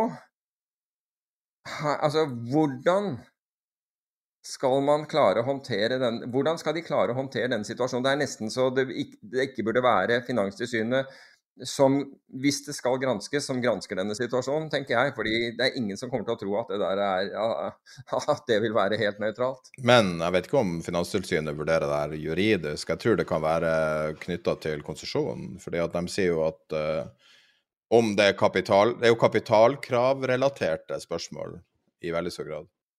Jo, men det er jo Det vil jo være kjempealvorlig. Det vil jo være kjempealvorlig. Hvis det stemmer, så vil det jo være kjempealvorlig. Dette er så nær en catch 22 som man, kan, som man kan tro Finanstilsynet noen gang ville komme borti. Det ville være å, å etterforske dette. Dette er en umulig situasjon for dem å etterforske, tror jeg. Har du vært borti det selskapet tidligere utenom media? Arctic? Nei, det her, eh, det her eh, NBT? Ja. Ja, det har jeg. Vi hadde Nå husker jeg ikke hvilket år det var, men jeg det er jo så mange år siden. Jeg tipper at det er noe sånn 2011-2012. Kan ha vært 2013 for alt jeg vet. Men en eller annen gang der så På det tidspunktet så hadde vi så Jeg vet ikke om vi var med i en emisjon. En, en sånn obligasjonsemisjon, uh, eller om det var kjøpt i annenhåndsmarkedet. Det er jeg ikke helt sikker på. Uh, for det er, det er, så lenge siden. Um, obligasjoner da i dette selskapet Jeg kan i hvert fall 100% si at vi hadde ingen avtale knyttet til det obligasjonskjøpet. Og at vi eh, solgte de igjen eh, på rent sånn forretningsmessige eh, grunner. Men det har jo berørt alle, virker det som? Ja, altså det aldri, dette selskapet altså Den gangen det leverte ikke, og det har egentlig aldri levert osv. Jeg må jo si det var mange, mange ting da jeg leste den, den artikkelen som jeg ikke visste massevis. Fordi etter at vi hadde solgt, så hadde vi ikke noe, hadde ikke noe interesse av egentlig å følge den. Uh, det var jo den der emisjonen i fjor, eller ja, oppkjøp. Da var det jo i media. Ellers har jeg ikke Det har vel vært nevnt ja, noen få ganger i media. Altså. Ja, nettopp. Altså, jeg, jeg, må jo innrømme, det var jo Den dagen det sto at Kjell Inge Røkke hadde bytt eller Aker da, hadde budt 3 milliarder kroner for det, da kom det noen telefoner, det må jeg, det må jeg si. Da, var det noen som, da kom noen telefoner. Hva i all verden har skjedd med det selskapet der på, på, på, på no time? Ja, Det står jo i artikkelen også at det var veldig stor reaksjon. Men det interessante var, og, men det mener jeg også kommer frem i artikkelen, var at Aker hadde avskrevet verdi, eh, eh, aksjene sine i selskapet til null. Og så i neste omgang byr man tre milliarder. Det, her blir det bare å følge med videre, for jeg tror at det her kommer til å gå i lang, lang tid. altså. Ja, altså, som sagt, jeg, det er dette dilemmaet som Finanstilsynet må befinne seg i. Det, det er, må innrømme, er det som opptar meg her. Hvordan skal de håndtere denne situasjonen her, hvor de har all interesse i å finne ut at her er det garantert ikke skjedd noe? Den blir vanskelig. Yes. Nei, det var det eneste jeg, har, eneste jeg føler at, uh, at vi kan si om dette her.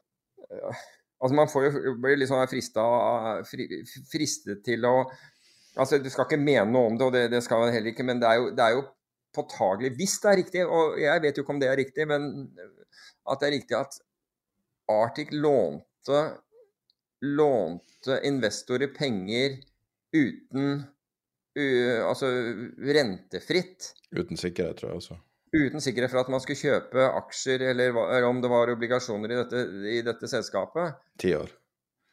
Okay. Ja, det er jo rart. Men uh, Nei, det var mye men, som var utypet. Men det er jo altså for det, folk som er nerder, da, så, så, er det veldig spennende å få se litt bak forhenget hva som foregår. Uh, for du fikk jo innsyn i ganske mange ting via artikkelen. Ja, eh, det bare forteller deg at liksom når du først får journalister etter deg altså det, er, det er noen som bare biter seg fast og ja. Jeg syns det virker som at uh, i første øyekast ser det her ut som godt håndverk, men det er jo vanskelig å si. Hvor er Geir Imset blitt av? Han, jo i, i, han kom jo fra Klassekampen og dro til Dagens Næringsliv. Altså, han, han, jeg, jeg, han var alltid OK uh, med meg, men han var jo alltid eh, snakket om som en fyr som Hvis han beit seg fast, så han, så ville han ikke slippe taket komme. Altså, da var du ferdig. Hvis han beit seg fast i et eller annet, og du hadde gjort et eller annet. Han er 74 år. Å ja, da er han kanskje pensjonist, da, antageligvis. Men, men han, han, var jo en kjempehyggelig fyr. Jeg husker det, han og oh, Hva het han der andre? De harva over meg i Klassekampen en gang i tiden. Det var for så vidt helt greit. Det var ikke noe Hva sier du? Han har i hvert fall skrevet ei bok. Akkurat. Om uh, skipsreder Kristoffer Hannevig. Jeg har aldri hørt navnet før, så kanskje han har gått av pensjon. Hvem var det som var partneren til, eh, til uh, Geir Imset i, uh, i Klassekampen? For han, han, var også en sånn ordentlig slugger. Jeg tror også han forlot uh, Klassekampen. Men det var de, de to de, Det var sånn der Hvis de kom etter deg, da, da lå du dårlig an. Nei, men vi har jo mange Det var en digresjon. Altså, vi har mange ganger snakka om at av og til skulle man ønske at media var mer på saker, men her har de jo vært på så til de grader igjen. Så ja, den, den, det er ganske ja. rart å lese så mye detaljer. Jeg likte, jeg likte, bildene. For øvrig var en fantastisk grafikk. Jeg vet ikke om den kom ja. opp altså, den kom, altså, Så du den der med eierskap? Ja, ja, jeg, jeg, la, jeg la merke til den. Hvordan det, det var veldig fint illustrert. Den var rå. Hvordan, eh, altså Det er jo en type graf, det der. Sånn stablegraf, på en måte. At det er oppover. Ja, men hvor eierskapet bør rullere mellom de samme personene hele tiden. Ja, ja, det, det, det var nede til venstre i artikkelen. Ja, ok, for jeg, men, jeg, har aldri sett sånn grafikk før, men jeg tenkte den var jeg imponert av. Ja, det, det, man, jeg, jeg, har sett mange bruke det der i sånn startup uh, do, Altså uten sammenligning for øvrig, men i sånn startup um, stacks, altså det de sender ut, så det er ofte en måte de bruker å illustrere ting på. Aha. Jeg vet ikke hva de grafene heter, men uh, Men uansett, uh, vi har et intervju i dag som jeg gjorde i forrige uke av en person Og som jeg hørte på i helgen. Ja, og en person av ganske tyngde, som heter Thomas Henig. Og jeg omtaler, i, i, Før vi starta, så måtte jeg spørre han om det uttales Hønig eller Henig. Han er amerikansk, av tyske røtter. Han foretrekker å bli kalt Henig. Mulig at jeg kaller han Hønig med en feil, men uh, han er da tidligere medlem av den amerikanske rentekomiteen. Altså han, en, han var en stemmende del av det man kaller FOMC, han, Federal Open Market Committee, altså ja. den, denne delen av sentralbanken som bestemmer rentepolitikken. Og han var den eneste um, personen som Altså, um, nå får vi jo Gjennom det intervjuet får vi jo ganske mye innsyn i hvordan de jobber. Utrolig interessant å få det høre rett fra kilden. Uh, og en av de tingene som FOMC er kjent for, som, som de er opptatt av, er jo nettopp det at man at man viser en sånn felles front, at alt er enstemmig. For øvrig noe som også var vanlig i Sovjet under det her uh, Uten sammenligning for øvrig. Uh, men enstemmighet var veldig viktig, da. Og han var uh, på den der endelige avstemninga når de skulle vedta å innføre kvantitative lettelser, så var han den eneste som stemte nei. Det var tre stykker som ikke var stemmende i den avstemninga, som også ville ha stemt nei, da. Men han var da den eneste som Og han sa også i det intervjuet da at det var ikke noe han tok med um, Tok lett på å gå mot. Det, og hadde han vært moderat nei, så ville han ha sagt ja. Uh, men han stemte nei og advarte mot en rekke ting, og i ettertid så ser det ut som, spesielt nå, akkurat nå, ser det ut som han hadde rett på alt han sa. Ja, Hvis jeg kan bare få lov å hive den Jeg, syns jo det intervjuet var fantastisk. Og nå går jeg sikkert i en bekreftelsesfelle. Uh, mye fordi han var jo inne, inne, på dette med reverse repo, og han var inne på dette med velstandsgapet. Og, og bekreftelsesfellen er at det er jo akkurat det som vi har ment om dette. Forskjellen er at han er så utrolig mye mer veltalende og beskriver dette her vesentlig mer pedagogisk enn det jeg har vært i, i stand til. Men eh, det var, eh, det var, en fornøyelse å høre intervjuet med han. Og som vi har gjort tidligere, kommer vi til å gjøre det nå. Så vi legger ut uh, litt over halvparten av intervjuet i episoden, åpne episoden i dag. Uh, Ca. 30 minutter. Og så hele intervjuet vil være tilgjengelig på vår Patrion-episode som kommer ut samtidig som uh, denne episoden. Og da er det også eh, promofri, altså både intro- og, og reklamefrie episoder. Um, og det får du tilgang til på uh, tiderpenger.no patreon. Det er også i menyen der. Og da er det en, sånn, en måte du kan støtte direkte økonomisk, og så får du da tilgang til ekstra innhold også. For intervjuet Uh, vi hadde problemer med connection til USA, og han datt ut, og det var masse styr, og vi hadde hard out. Så jeg prøvde å tyne hver eneste minutt jeg hadde ut av det.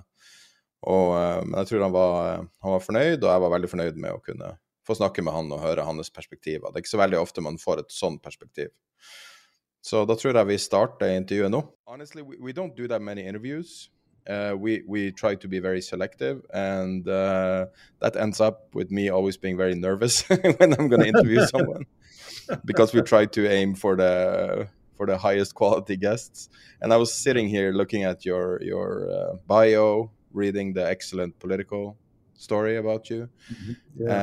and um, uh, uh, uh, looking at your your CV and everything, and it almost feels like like talking to a general, uh, That's a a retired general.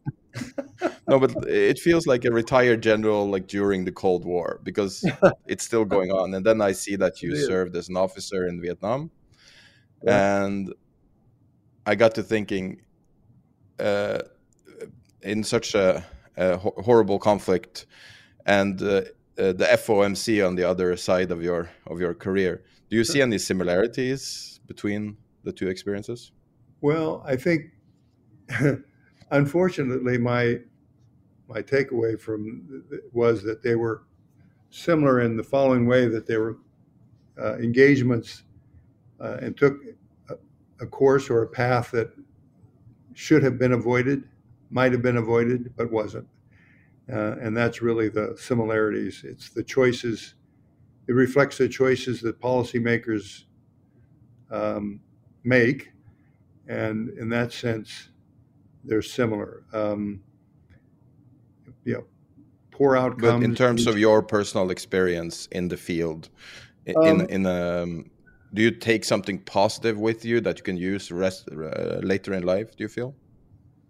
well, I, yes, um, my experience in Vietnam was um, what I call one of those super maturing experiences where you you see direct conflict, um, you see the outcomes of that, and therefore you are more determined, if you will, to try and avoid that uh, in your own deliberations and, and how people look at it. So that certainly came out of my experience in that conflict. And therefore, when I was on the FOMC many years later, but in my view, uh, a very convinced view, not just a feeling, but a convinced view that we're on the wrong path, I knew that was either um, go along and let a mistake continue without objection, as happened uh, earlier, or to speak up. And I was in a position to speak up, and I chose to. And so that's what I took away from that Vietnam conflict, and that is don't just sit there. You've got to you've got to uh, speak up and try and get you on a different course. So that's maybe not the best comparison, but that's certainly what I did take away. Uh, I've uh, met many people who have ended up in finance with a military background, and it's Yeah. often uh, interesting to see that they take something from the military background into finance. So it feels like a natural question to start with. But you have a very impressive CV, and uh, it, it, it appears you've been in some. Uh, uh, I'm not sure. FDIC is a government institution as well, is not? Is it not? Yes, it is. Uh, it's a uh, independent agency and funded by the banks themselves, but it is a government institution. And the FOMC, technically, I guess, is a private, it's a corporation, but of course, it's a government. Right, or, or it's- is it? Well, maybe you can answer this. Is it really a government it's- institution? It's public-private, but it's mostly government. It's mostly central bank type of activities. I'll just tell you that the, the Board of Governors in Washington is a strictly a government agency.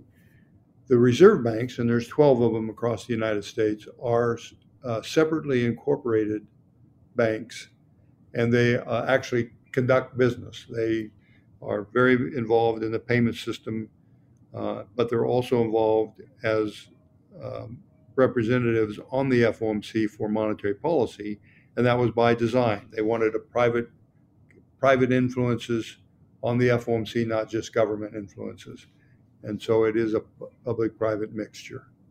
And the history of American money is quite interesting. And you had all these uh, all these uh, banks that were sort of very local, of it local currency, and I guess that has sort of created this unique system that you have in America.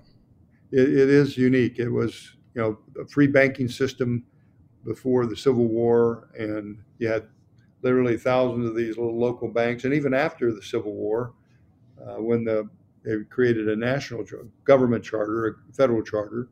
Uh, most of the banks uh, were very small uh, across rural America. It was much more rural then. Um, there was as many as 30,000 banks at one time. Uh, we're down to about 5,000 now.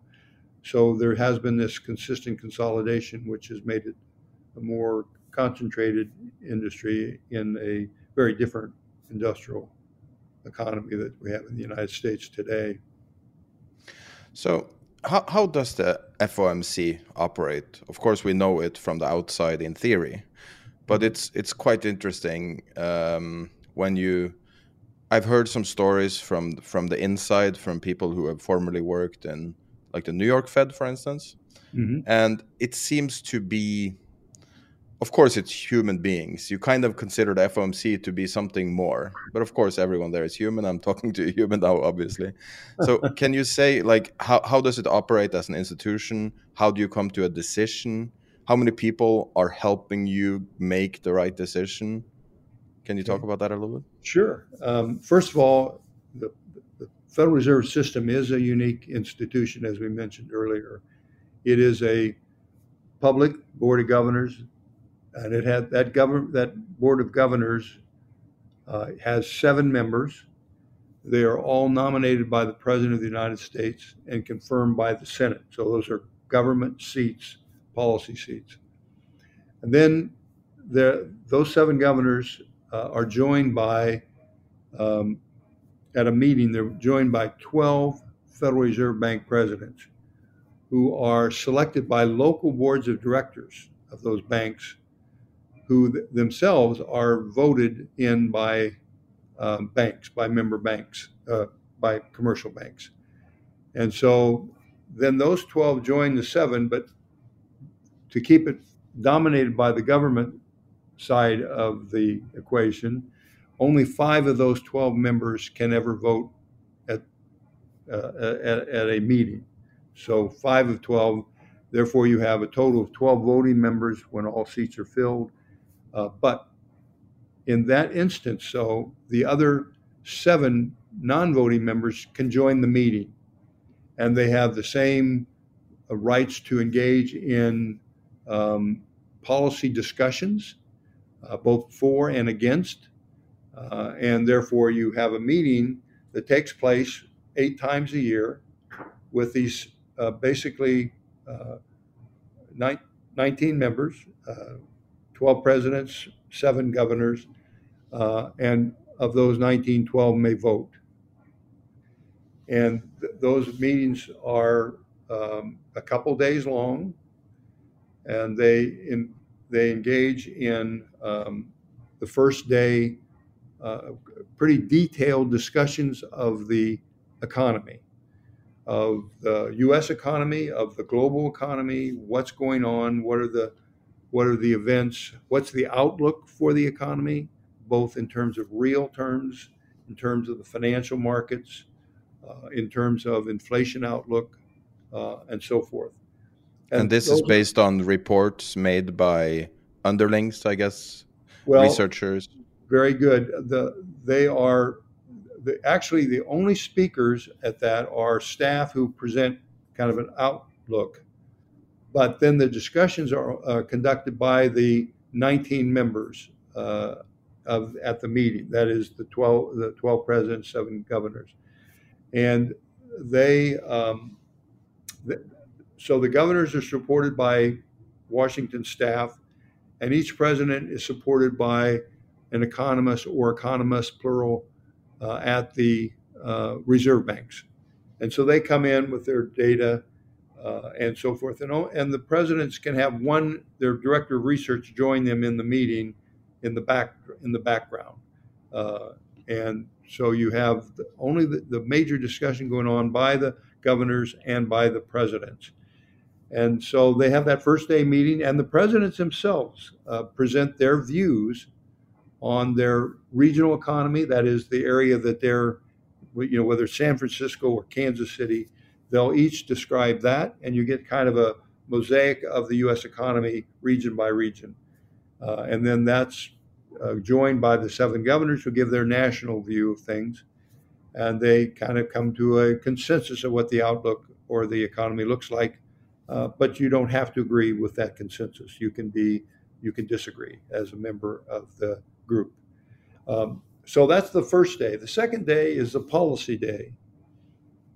And in that, um, what the, the staff, the board staff, the FOMC staff, will come forward and say, based on the economic outlook and what we know, there are three possible choices you can make. They always give the committee uh, different options in terms of their policy choices. Uh, one can be depending on circumstances, but here's an example.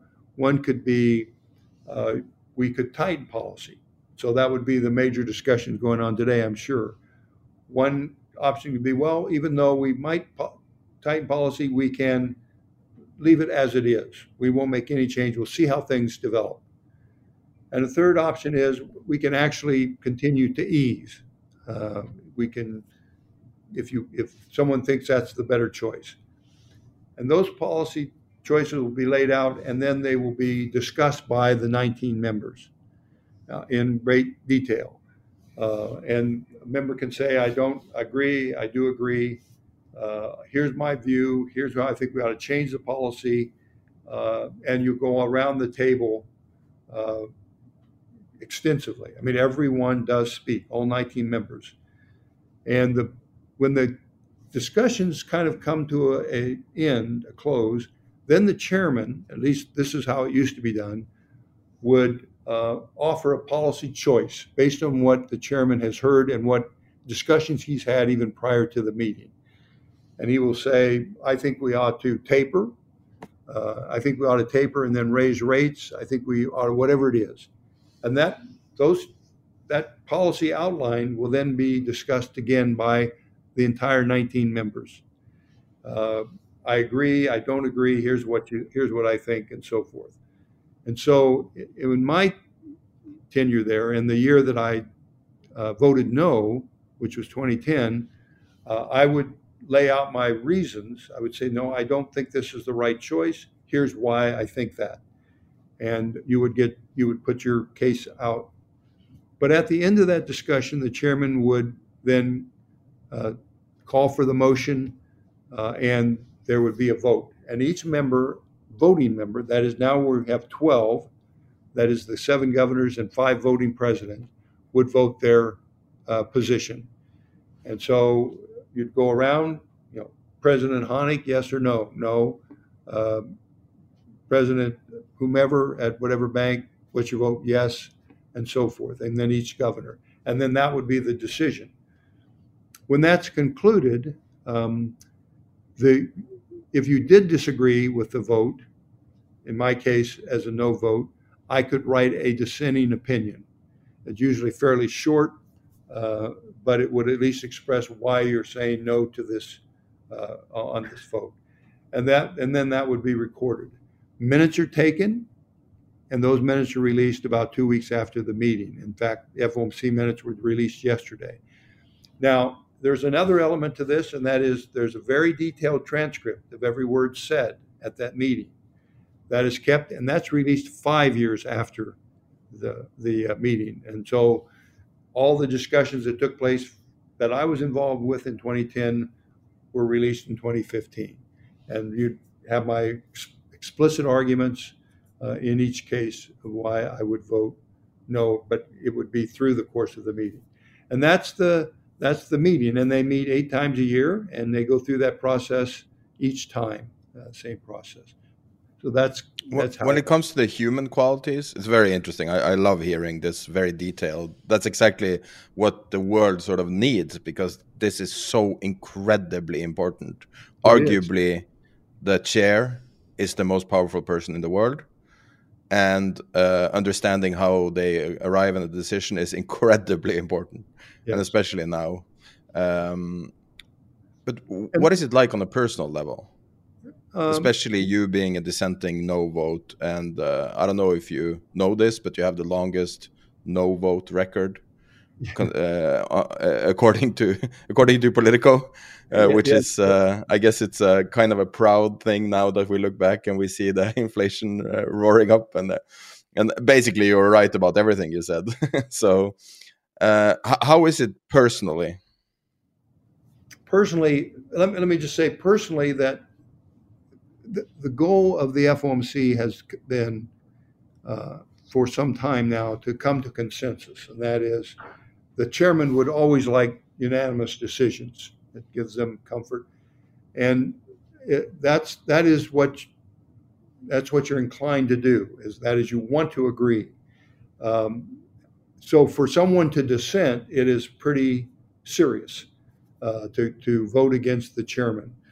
And so for me personally, during that period, it was rather stressful. Um, but you know, uh, and that's why you you know when you ask originally what it was like, what you learned from combat, uh, you you realize that you know you have to deal with that, but you have to also make the decision that you think is best, and not and not on the margin. I mean, if I disagreed slightly, I would have voted with the group. I would have voted with the majority, but I disagreed fundamentally. And when you disagree fundamentally, that's when you have to make that hard choice of voting no. And I had learned not just from that, but I was involved in the financial upheavals of the early 80s, late 70s and early 80s, uh, with the Paul Volcker tightening of policy during that period. And I saw, as the article I think described, thousands of banks fail because they were of the view that the Federal Reserve would keep interest rates low for a long period of time uh, and asset values would continue to increase. And so I'd had that experience as well. And so when I can, when I was looking at this, and they were expanding uh, money in the economy, quantitative easing, in a recovering economy, I thought this is going to lead to uh, bad outcomes. This is going to cause asset inflation. Uh, it will uh, eventually, I didn't think right away, but eventually cause price inflation. Uh, that came almost a decade later and around the pandemic. But I saw a whole decade of very serious asset inflation that affected uh, individual lives in the United States and globally. Uh, so I, I felt I, I, I, anticipated that and felt that I had to vote accordingly, even though it was very unpleasant to do so. Do you remember the first time you heard the word the, the term uh, quantitative easing? Well, I, I don't exactly, but there was a speech given, uh, of all places, uh, at the Jackson Symposium that the Federal Reserve Bank of Kansas City sponsors, and I was the host. Uh, and uh, Chairman Bernanke, Ben Bernanke at that time, gave a speech that um, outlined the program for quantitative easing. And I think it was someone there uh, in the audience, of maybe it was a reporter. I can't, I don't know the specific, I don't remember the specifics for you, but I think they, in conversations with staff, came up with the concept of quantitative or the words quantitative easing. And it, so a journalist it, came up with the term. I don't know if it was a journalist or a policy person at the conference, and then the journalist heard it. You know, it, it gets wow. all mixed up in that environment. So whoever wants to take credit, it's theirs as far as I'm concerned. I didn't come up with that name. I just saw that we were going to expand money pretty significantly, and that I thought was wrong. It was an error. So. Uh, just to expand on that a little bit, the Fed has a unique ability to create new acronyms for printing money that doesn't involve the words printing money and yes, we've recently seen many many different ones. And uh, reverse repo i guess well it's not printing money but it's it's a it's a a complicated term hard to understand like right. every other every other acronym has been. I yes. guess there's been eight or nine different words for the same thing. And uh, um, operation twist i mean is another description of that. Uh, yes there's always anything but printing money is uh, the euphemistic use of other words is uh, liberally employed, uh, as you might imagine. Um, when I I, I, I have a, a, lot of questions written down, but when I mentioned reverse repo, can you can you break down your view of what that is and why it's being used now? Yes. Do you have? Um, do you understand it? Uh, I, well, it's a new. I mean, of course you understand it, but it's quite a new uh, new use now. So I'm not sure. Yes it's well, I'm not going to claim that I understand it. I think I understand it. Let me put it that way. I'm not. Gonna, I'm not going to be so arrogant as to think I have all the answers. But I think that one of the so what goes on is you're you're going to you want to try and you're not just creating money. You want to also uh, control interest rates. So when you when you buy government securities, when the open market, when the Bank Federal Reserve Bank in New York buys securities uh, and increases the reserves in the system, increases money in the system, that of course would put downward pressure on interest rates. So what you do is you, as a policymaker, if you want to control interest rates and still create money initially, especially to fund the government's debt, you want to then take that money back out.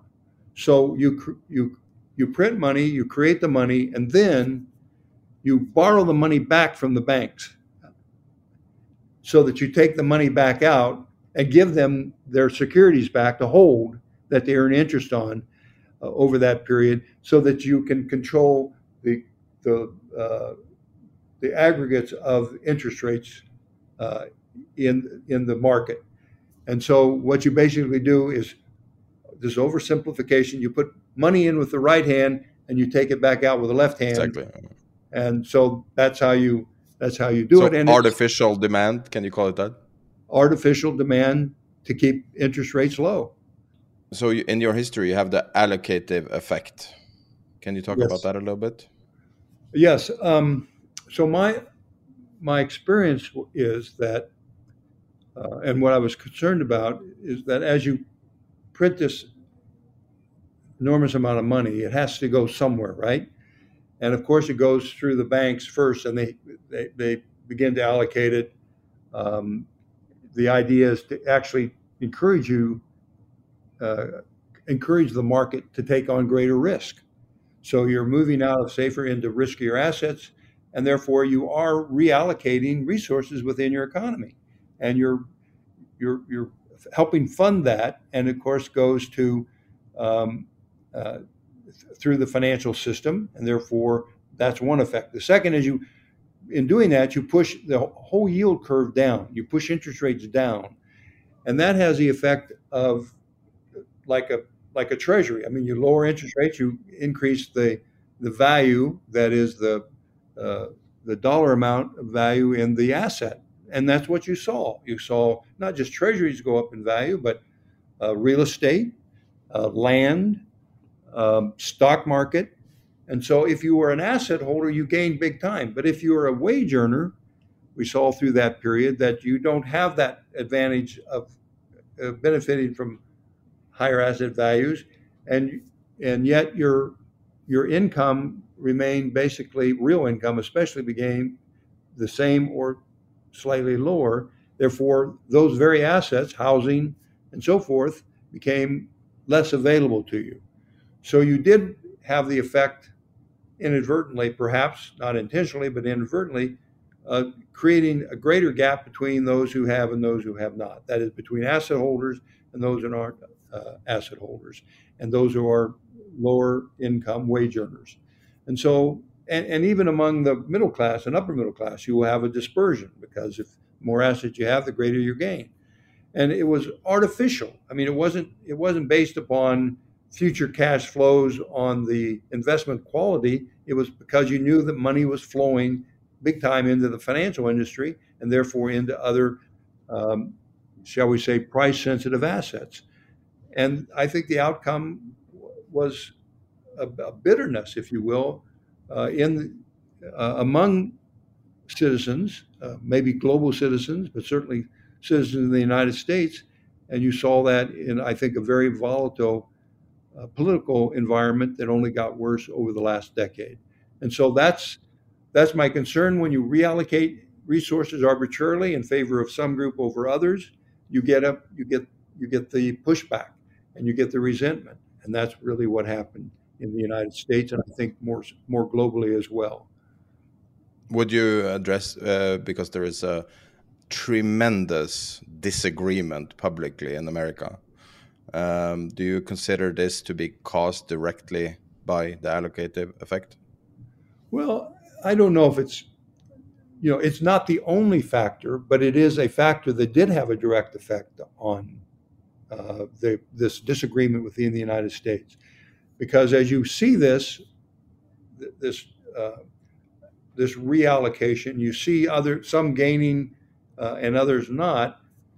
that does affect your your attitude. It does affect your attitude towards the government. It does affect your attitude towards what's fair and unfair. So yes, it has a direct effect. Now there's other factors as well. I mean, um, the, you know, fiscal policy has had an effect. Uh, those are important things as well, uh, and uh, there may be other other considerations, but it certainly has been a major contributor, in my opinion.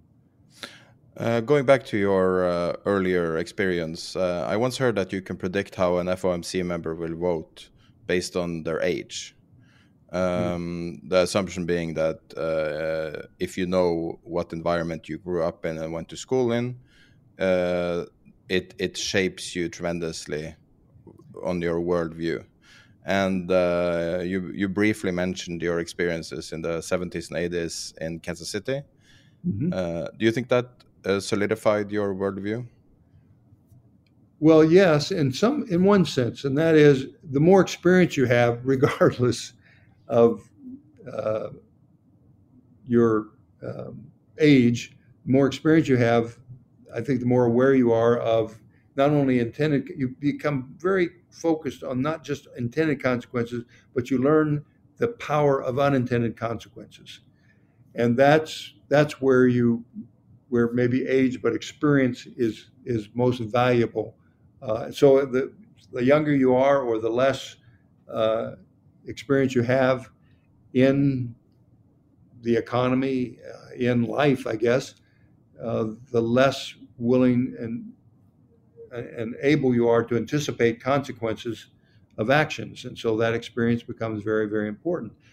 I think one of the other parts that worries me a little bit is I think economists have become more um, models oriented. Everything has to be a mathematical model, and they want to be scientists rather than look at the events that are taking place and uh, uh, apply that experience to their models and not let their models drive them, but they they drive the models based on that experience, and that's where I think you see, say, fresh PhDs or fresh MBAs versus more experience will take a different approach to problem solving, and I think it does make a difference. Yes, it does.